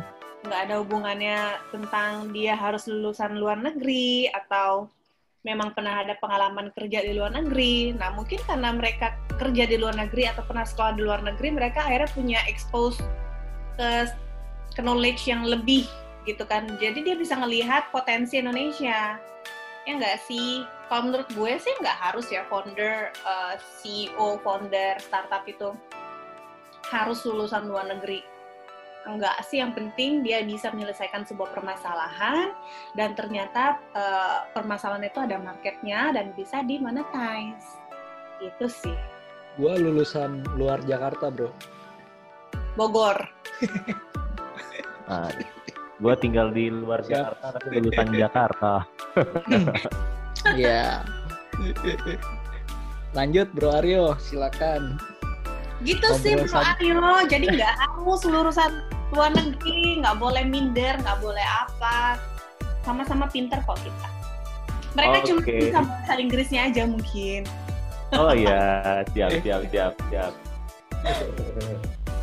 Eh, ngomong-ngomong nih, hmm, plan ke depan nih apa nih? Tadi kan sudah punya beberapa company, ada ada yang IO, ada yang lebih ke mentoring, coaching, atau mungkin lebih ke eh, apa tuh eh, konten untuk marketing. Nah, ada dari beberapa itu untuk ngelihat ke depannya nih dari sisi ke Alma nih kan seorang pelaku pendiri atau pelaku pelaku juga. Mana nih kira-kira yang mempunyai visi atau lebih lebih lebih bisa sustainable ke depan nih dari dari beberapa yang brand yang sempat disebutin tadi? Satu persatu. Aku sih ngelihat sih beberapa sih eh, cukup oke nih kan aku sempat ngintip juga ada websitenya juga ada ada portofolionya nah kalau dari segi Kak Alma sendiri nih apa nih hmm, mau yang mau dieksposurkan atau mungkin visinya seperti apa nanti apakah semuanya mau dijalanin satu-satu gitu Ah, oke. Gue jawabnya dari mana ya? Ini depends sih, Kak. Sebenarnya depends. Kalau sekarang sih eh, fokus gue, objektif gue adalah membesarkan iPhosite. Karena kan sekarang gue bawa bendera itu, karena gue sekarang karyawan di sana, plus gue hired by the investors actually. Ya, eh, ya kurang lebih begitulah. Eh, dan gue, objektif gue ya gue mau besarin. Di sini juga gue sekalian belajar, A to Z-nya. Nah, untuk yang lain, ini kan memang sudah ada timnya. Jadi gue nggak harus ada di situ sebetulnya. Gitu. Dan kalau gue ngeliat potensi, ya tergantung lagi sih. Kayak sekarang kemarin gue pikir the EO itu akan potensinya besar karena gue ada international event this year. Eh ternyata COVID. Jadi gue benar-benar nggak bisa prediksi sih yang mana. Apalagi lagi 2020 gue masih belum kepikiran eh, arah yang mana yang akan gue yang paling gue fokuskan. Tapi at the moment karena gue multi passionate woman, jadi gue nggak akan. Jadi gue tuh nggak akan milih lo harus fokus satu. Enggak kalau gue mah enggak kalau orang lain bilang lo harus satu-satu. Enggak gue mah nggak mau kayak gitu. Ini hidup gue. Gue emang gue sukanya banyak gitu. Jadi kita lihat aja lah nanti yang mana eh, yang mana bisa besar. Bener banget. Nah. oke. Sukanya banyak. Berarti itu oh, oh Termasuk- BM kak kalian juga kan BM banyak maunya hmm? yang Tahu penting dikerjain aja yang penting dikerjain aja dikerjain dan dapat money make money Ya dong. Eh, ya sekarang kalian lihat aja yang mana yang bisa dimonetize itu dulu kan, itu dulu difokusin. Jadi mau nggak mau kan kalian masih, masih harus hidup kan, day Ya, to day. Ya, Hmm, Ya di, difokusin yang Mumpung. mana bisa menghasilkan uang dulu gitu. Kalau misalnya belum bisa, apalagi lagi covid, lagi begini kan, mau resesi lagi, ya lu hold on on something yang lu bisa menghasilkan uang dulu, gitu. itu memang betul-betul dipikirin pada saat pandemik ya Bro Aryo dan Kak Alma. Karena resesinya Indonesia sepertinya sudah jatuh. Angka berapa ya kemarin ya? 5% ya? Minus 5% ya Kak Kurang lebih ya. ya kurang Ih. lebih begitu. tapi kita positif aja lah kayaknya Indonesia nggak akan sejelek eh, negara lain lah karena kita masih ya masih oke lah Ya masih oke. Cuman kalau kita bahas itu sesinya bisa panjang sekali Kak Alma. hmm, ya. Ber, Bro Aryo masih ingin bertanya lagi atau mau gantian boleh diganti iya. dulu sebentar. kalian tuh kaku Waduh. banget sih say Gak kaku banget ya nih biar nggak kaku nih udah kayak BUMN bo eh sorry BUMN lebih BUMN. BUMD kayak Pemda kayak Pemda BUMD, BUMN. biar nggak terlalu kaku-kaku amat. Oke, Ah, ah. tadi tadi udah dijelasin tuh. Yang pertama pekerjaannya, terus juga apa yang dikerjain nih. Terus juga Kak Alma fokus ke depannya. Terus juga ada beberapa proyek-proyek ke depannya. Nah, selama fokus kerja ini, ini kan eh, pasti dong Kak Alma ini udah pasti banyak duitnya kan? Banyak duit terkenal. Amin. Astungkare oke. Langsung kan iya bo. Oh, Nah. baliknya bo. Iya bo nggak ada rencana untuk kan mengubah mengubah status single tersebut menjadi apa gitu? Aduh. Ya pengen sih cuma belum ketemu orangnya. Terus lagi covid lagi kan? Ketemunya Iya. corona ya? Ketemunya nih Susah ya ngedet ya. ya udah gue ngedate-nya sama laptop. This is my honey bunny my laptop. No seriously Oh, ngedet online terus. ngedate ya. online ya nah nah emang emangnya nggak bosen apa lap, pusing ya kak laptopnya tiap hari dipegangin terus kasihan tuh laptop cium-cium kak tiap hari gue pegang-pegangin Laptopnya itu hari. boyfriend.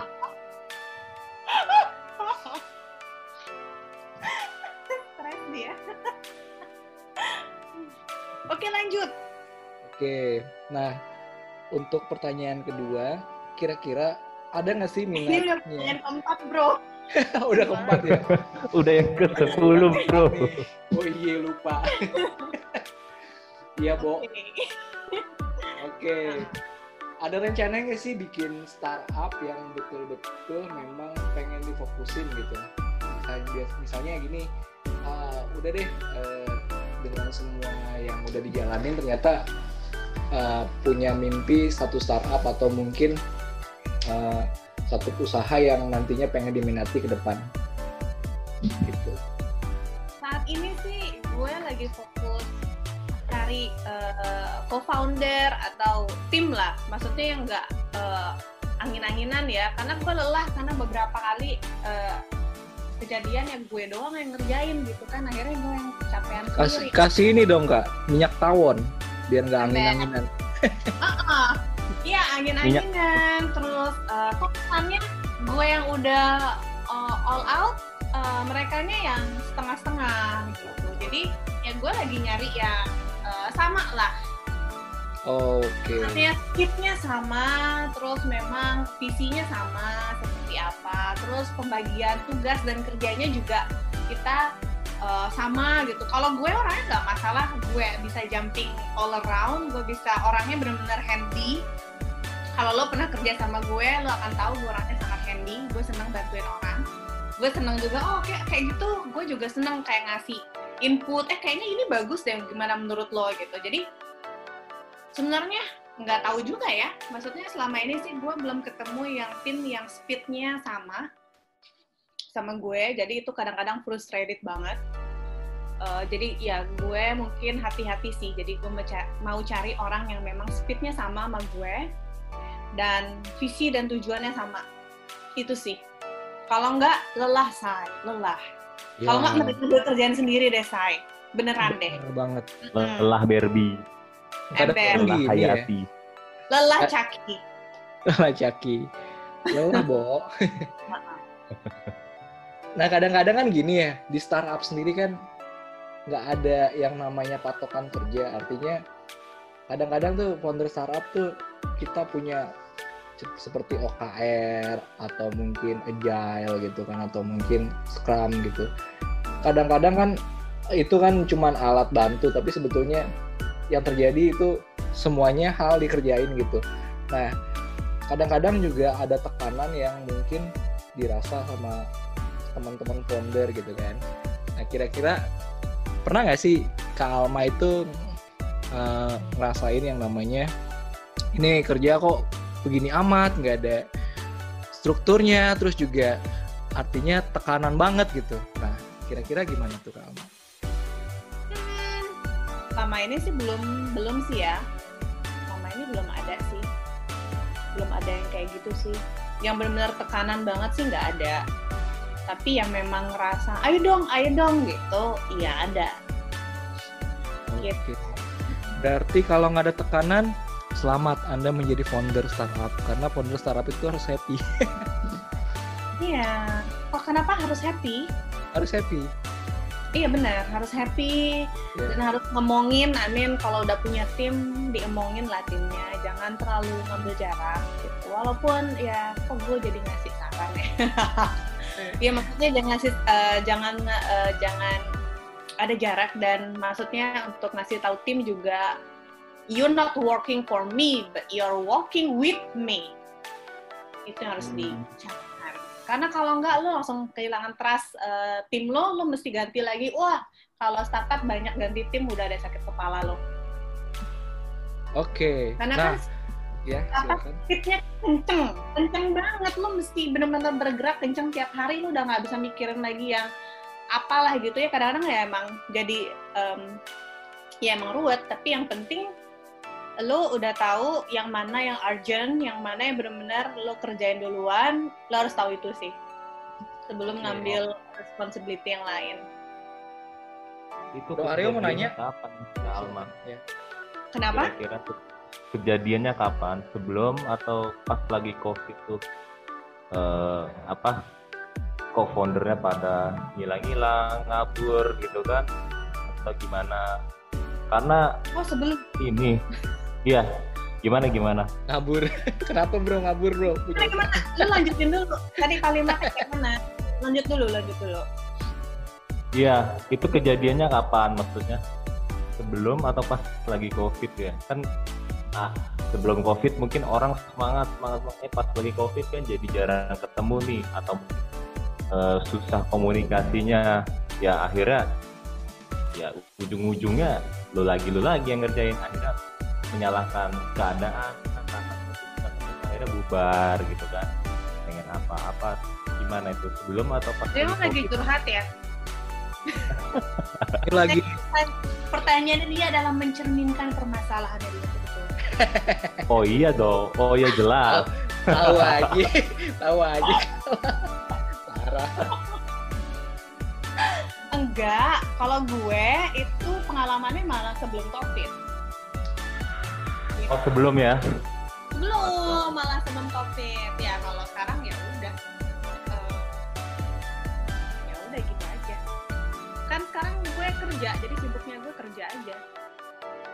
Kerja sama orang gue kerja untuk mimpi orang tapi nggak sih jadi mimpi gue juga menyenangkan juga nih membesarkan apa maksudnya seru seru banget gitu it's something seru worth it banget lah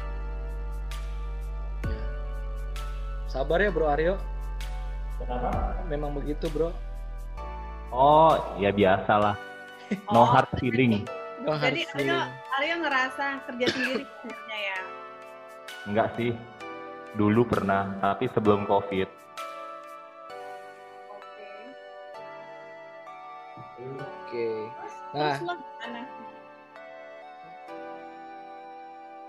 halo Bro Aryo. Ya, halo. Sebelum Covid ya, kemarin ya.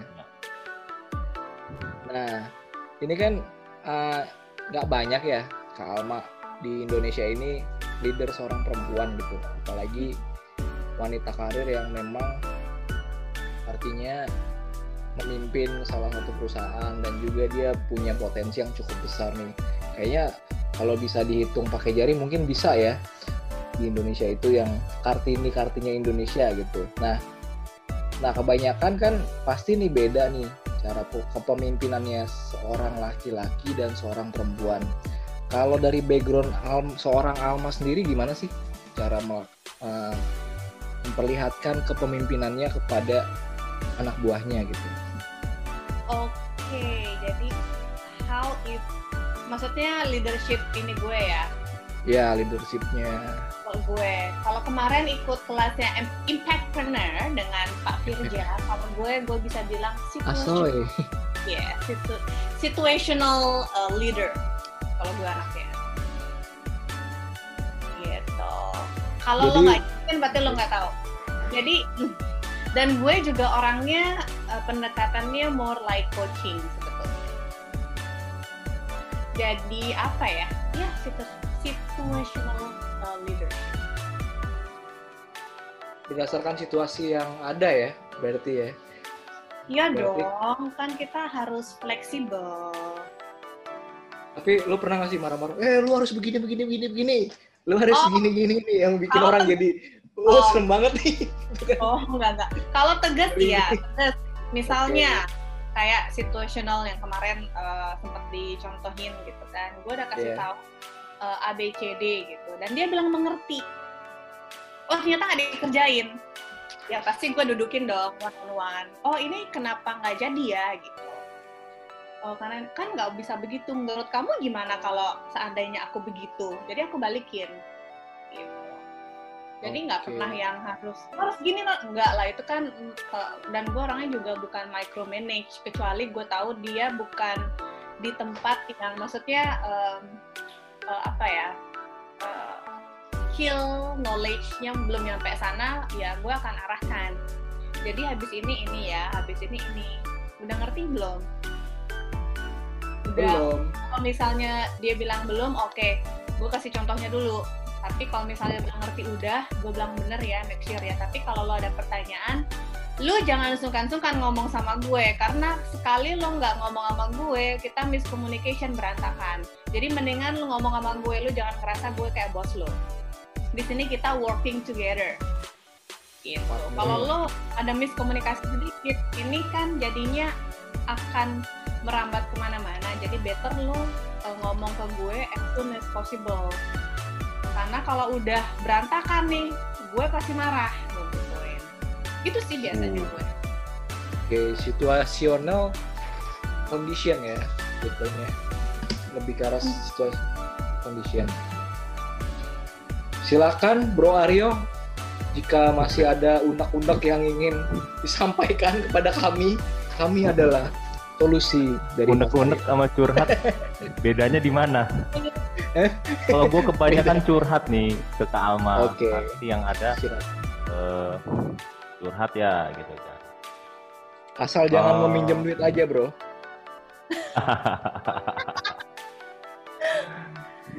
Dalam bentuk saham lah pinjam duitnya. Oke. Equity ya. Oh iya, Kak Alma nih, tadi kan udah dikupas tuntas sih, dikupas abis nih.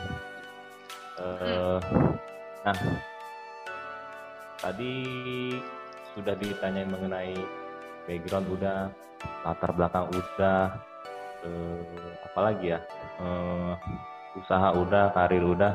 Nah, untuk soal, eh soal apa tadi ya? Soal Soal apa nih, Bro? soal ke depannya, soal soal, Soal- planning nih, soal udah jumlah punya jodoh tabungannya. belum gitu? Kak, Eh udah belum itu tadi? tadi Udin. Ya Allah. Oh, Udin. Udah tadi Ah, yang, Udin. yang belum yang belum tuh total kekayaannya, Bro. Ya, Gila. Total kekayaannya bukan total valuasinya. Top number one se rumahnya dari mana tuh? Misalnya se Bekasi atau se Jakarta itu top number one. Yang pasti bukan di pinggiran Jakarta, Bro. Oke. Atau di Bali ya, top number one Bali. Wo- Ini woman trainer under under berapa nih? Nggak tahu nih saya. Under Iya. berapa?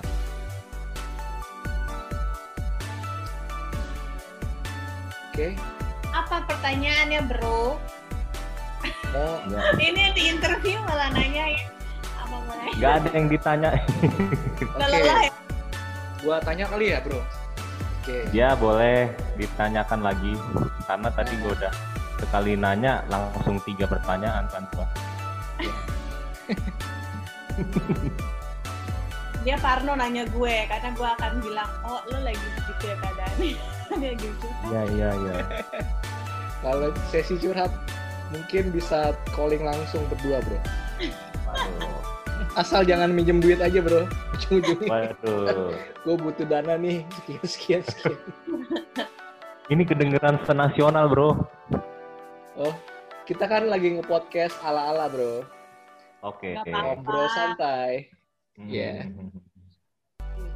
oh ya, kalau- tadi belum dijawab itu berapa nih total kekayaan? masih aja dibahas. Udah, udah, udah. Oke. Skip. Lanjut, lanjut, Bro Oke. Hansen. Nah, tadi kan semuanya ditanya tuh mulai dari karir, mulai dari uh, passionnya juga, mulai dari kegiatannya, mulai dari sampai kita nanya uh, statusnya juga loh, ya kan? Terus juga Iya, kita nanya, kurang ajar nih nanyanya ya. Oh, gini aja, Bro. kita nanya planning-nya juga. Nah, Kriterianya yang seperti apa? Ih, Wah, kalian itu- kepo deh. kalau itu kepo banget, kepo. Nah, Eh, itu jawaban gue. Ih, kepo deh. eh, Rahasia. Oh, rahasia. Nah, Kak Alma juga ternyata selain kepo, tapi tidak mau dikepoin. Bener, bener. Kalau Ember. soal yang ini mungkin nggak mau dikepoin. Oke. tapi Ayo, habisan pertanyaan interviewer. ini adalah podcast yang pertaniannya tiba-tiba spontan. iya. Apa, mau nanya apa? Apa ya? Gue mikir Oke. Eh, Udah semua sih pertanyaannya mungkin. Ya harapannya sih ke depan Kalma pasti kan mencari sesuatu yang lebih entah dari eh, mau kerjasama, entah mau eh, berkarir atau mungkin mau bikin startup atau mungkin ya entah mencari jodoh.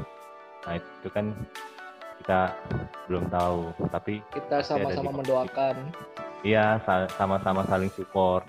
Ya, doakan saya ya, segera ya, say. Wah, Amin. Supaya sama seperti kita sudah berkeluarga.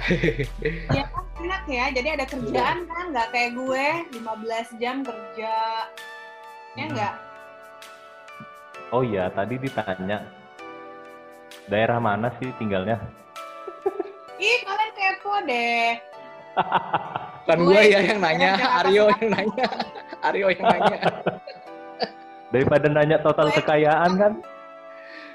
Gue Tapi anak yang- Jaksel. Oh, Jack Jacksel ya. Jaksel. Jaksel. Which is selatan Jakarta. Oke. Berarti I know, I know, I see.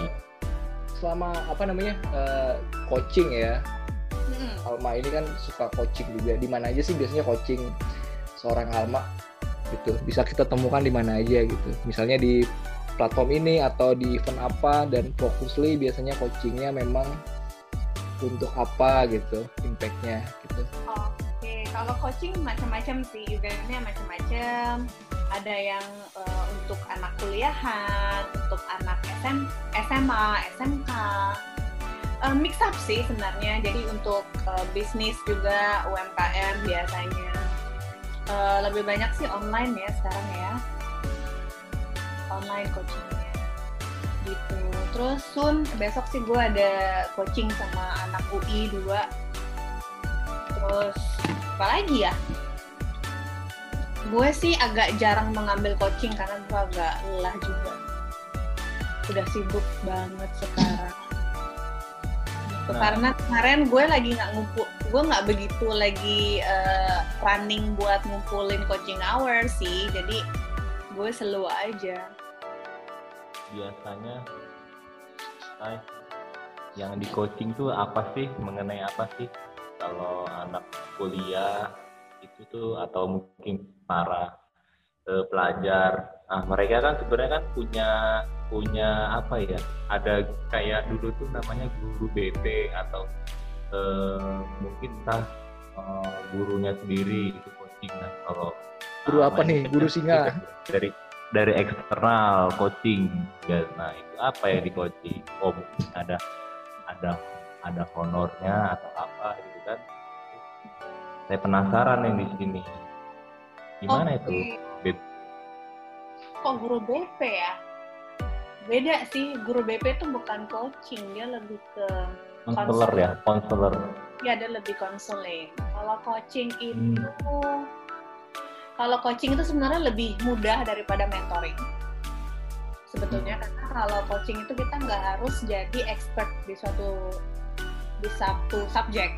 Nah kalau mentor lu mesti at least lu expert or or at least you know better. Nah kalau coaching itu kita tuh lebih eh, posisinya lebih kayak eh, general, posisinya juga lebih eh, apa ya? Jadi lo nggak harus benar-benar tahu objek apa gitu enggak karena kita sebenarnya menggali dari sebuah pertanyaan. Jadi coaching itu lebih ke gimana pinternya kita memberikan pertanyaan yang akhirnya si coachy mendapatkan jawabannya dia sendiri. Gitu. Nah, kalau misalnya gue uh, coach coaching ke UMKM misalnya, gue nggak bi- nggak boleh. Tapi kadang-kadang harus di mix uh, antara coaching dan mentoring ya. Karena kadang-kadang mereka tuh sampai bingung nggak tahu jawabannya apa gitu. Jadi kalau gue misalnya udah tahu nih, gue udah ada pengalaman di sana, gue akan arahkan. Sebenarnya kalau di sisi coaching nggak boleh tuh. Kalau mentoring boleh, tapi kadang kita harus mix agar si coach juga menerima manfaatnya dengan segera. Karena kalau coaching itu mereka akan lebih banyak bertanya kepada diri diri mereka sendiri dengan uh, situasi dan kondisi mereka bisa atau enggaknya.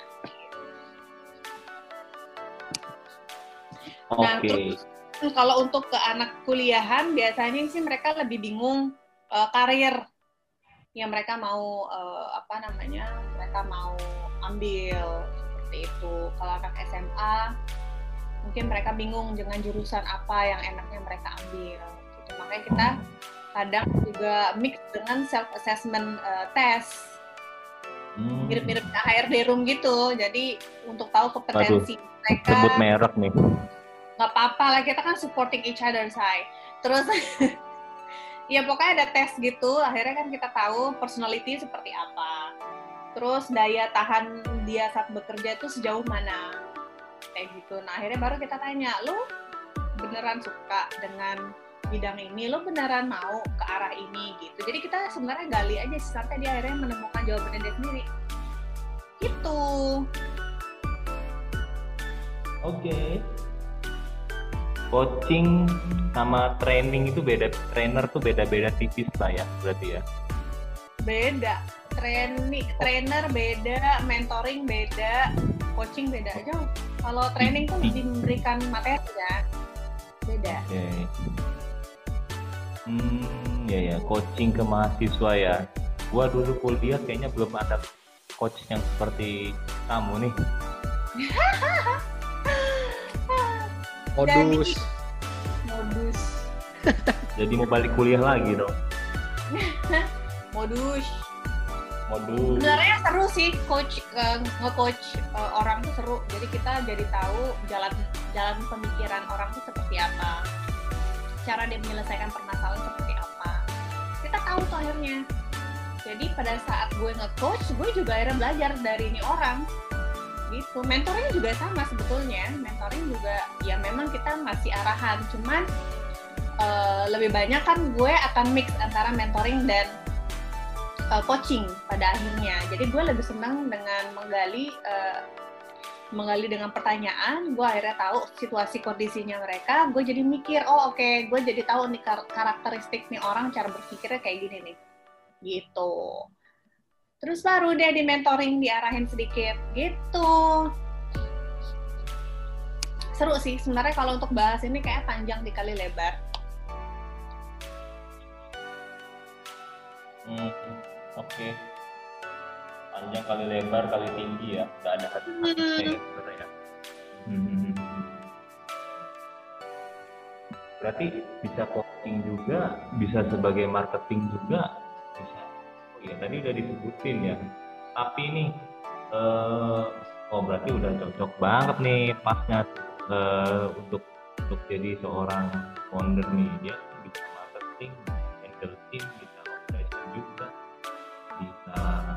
apa lagi bisa coaching juga, mungkin bisa eh, apa problem solve juga pada saat dengan tim dan di lapangan. Nah, boleh satu cerita nggak nih kira-kira nih untuk tadi kan ngomong kelebihannya ada terus Nah, sekarang kekurangannya di mana nih kira-kira Kekurangan apa ya, Say? si Andre Kekurangan duit. ya kalau gua nanyanya ya Kekurangan duit, Bro. Kekurangan waktu buat tidur bro gue sekarang nih bro. Ya. kurang kurang perhatian laki-laki Kurang kurang kurang sejati.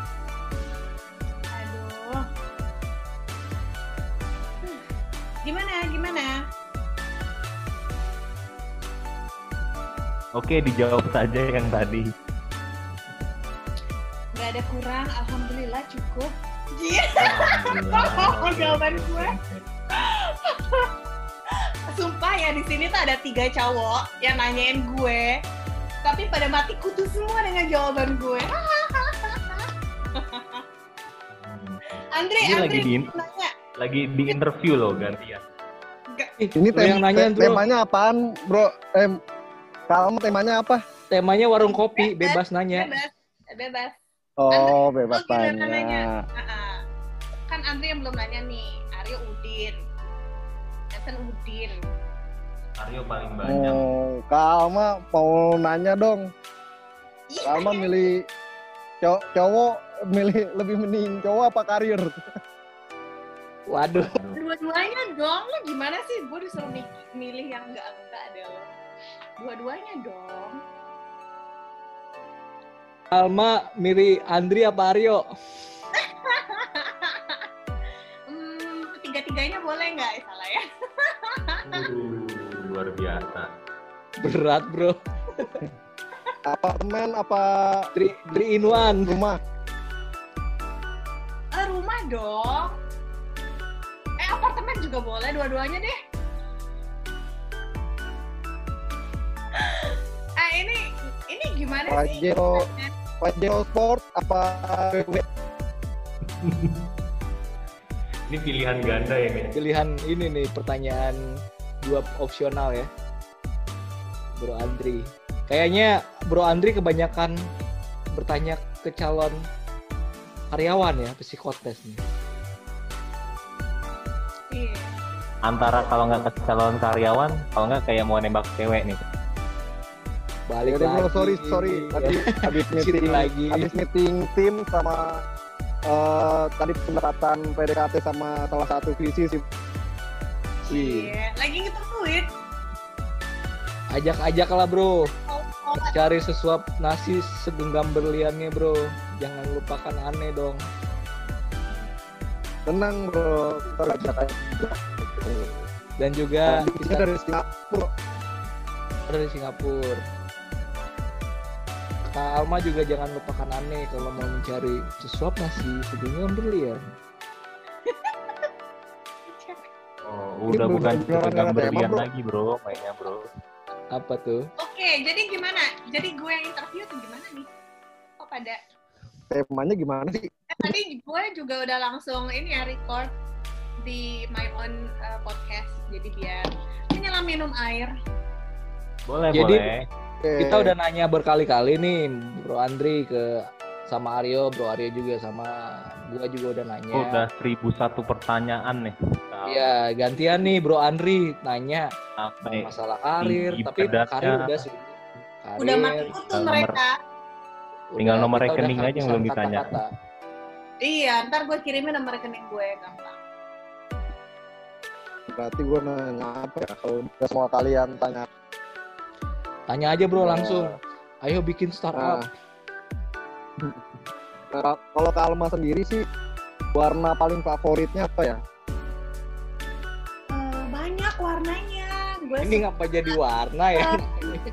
gue suka putih, gue suka pink. Gitu. Oh, berarti lebih banget ya suka putih sama suka pink. Putih, hitam pink. Bro Aryo warnanya sukanya apa? Pink deh, Se. Anjay, pink.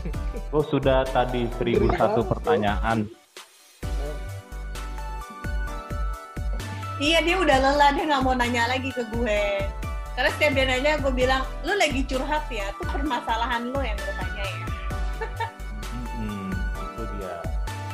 Nggak apa-apa, bro. Mungkin saya bisa menyelesaikan, bro. Gue Kayaknya mau mas- nanya, ya, memang. ini mau, mau nanya serius sih Kak Alma nih, Ya udah sambil serius. curhat ke Cucol ya. Nah, Kak Alma kan pernah di Curhat berbagai nih, macam startup nih. Nah, itu strategi pricing yang baik itu mereka bagaimana sih sebetulnya itu untuk men- menetapkan apakah dari lihat harga kompetitor sebelah atau apa ya strategi pricingnya sendiri. Tergantung sih jenis bisnisnya ya. Ya mostly sih, ya kalau gue sih ngambil, eh, ya pasti lo hitung dulu dong pengeluaran lo berapa, HTP berapa, segala macam. Lo lihat market.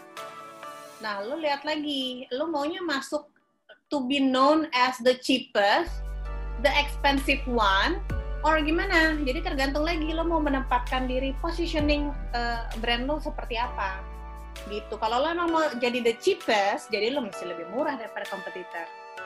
Tapi kalau lo memang mau jadi yang the best, to the best, ya lo lihat dulu kompetensi lo, produk lo seperti apa, apakah bisa menyaingi tetangga atau enggak. Pasti lo nggak ngadain market research dulu dong. Nah dari situ ketahuan. Kalau emang barang lo jauh lebih bagus, kenapa jadi lebih paling murah? Gitu bro.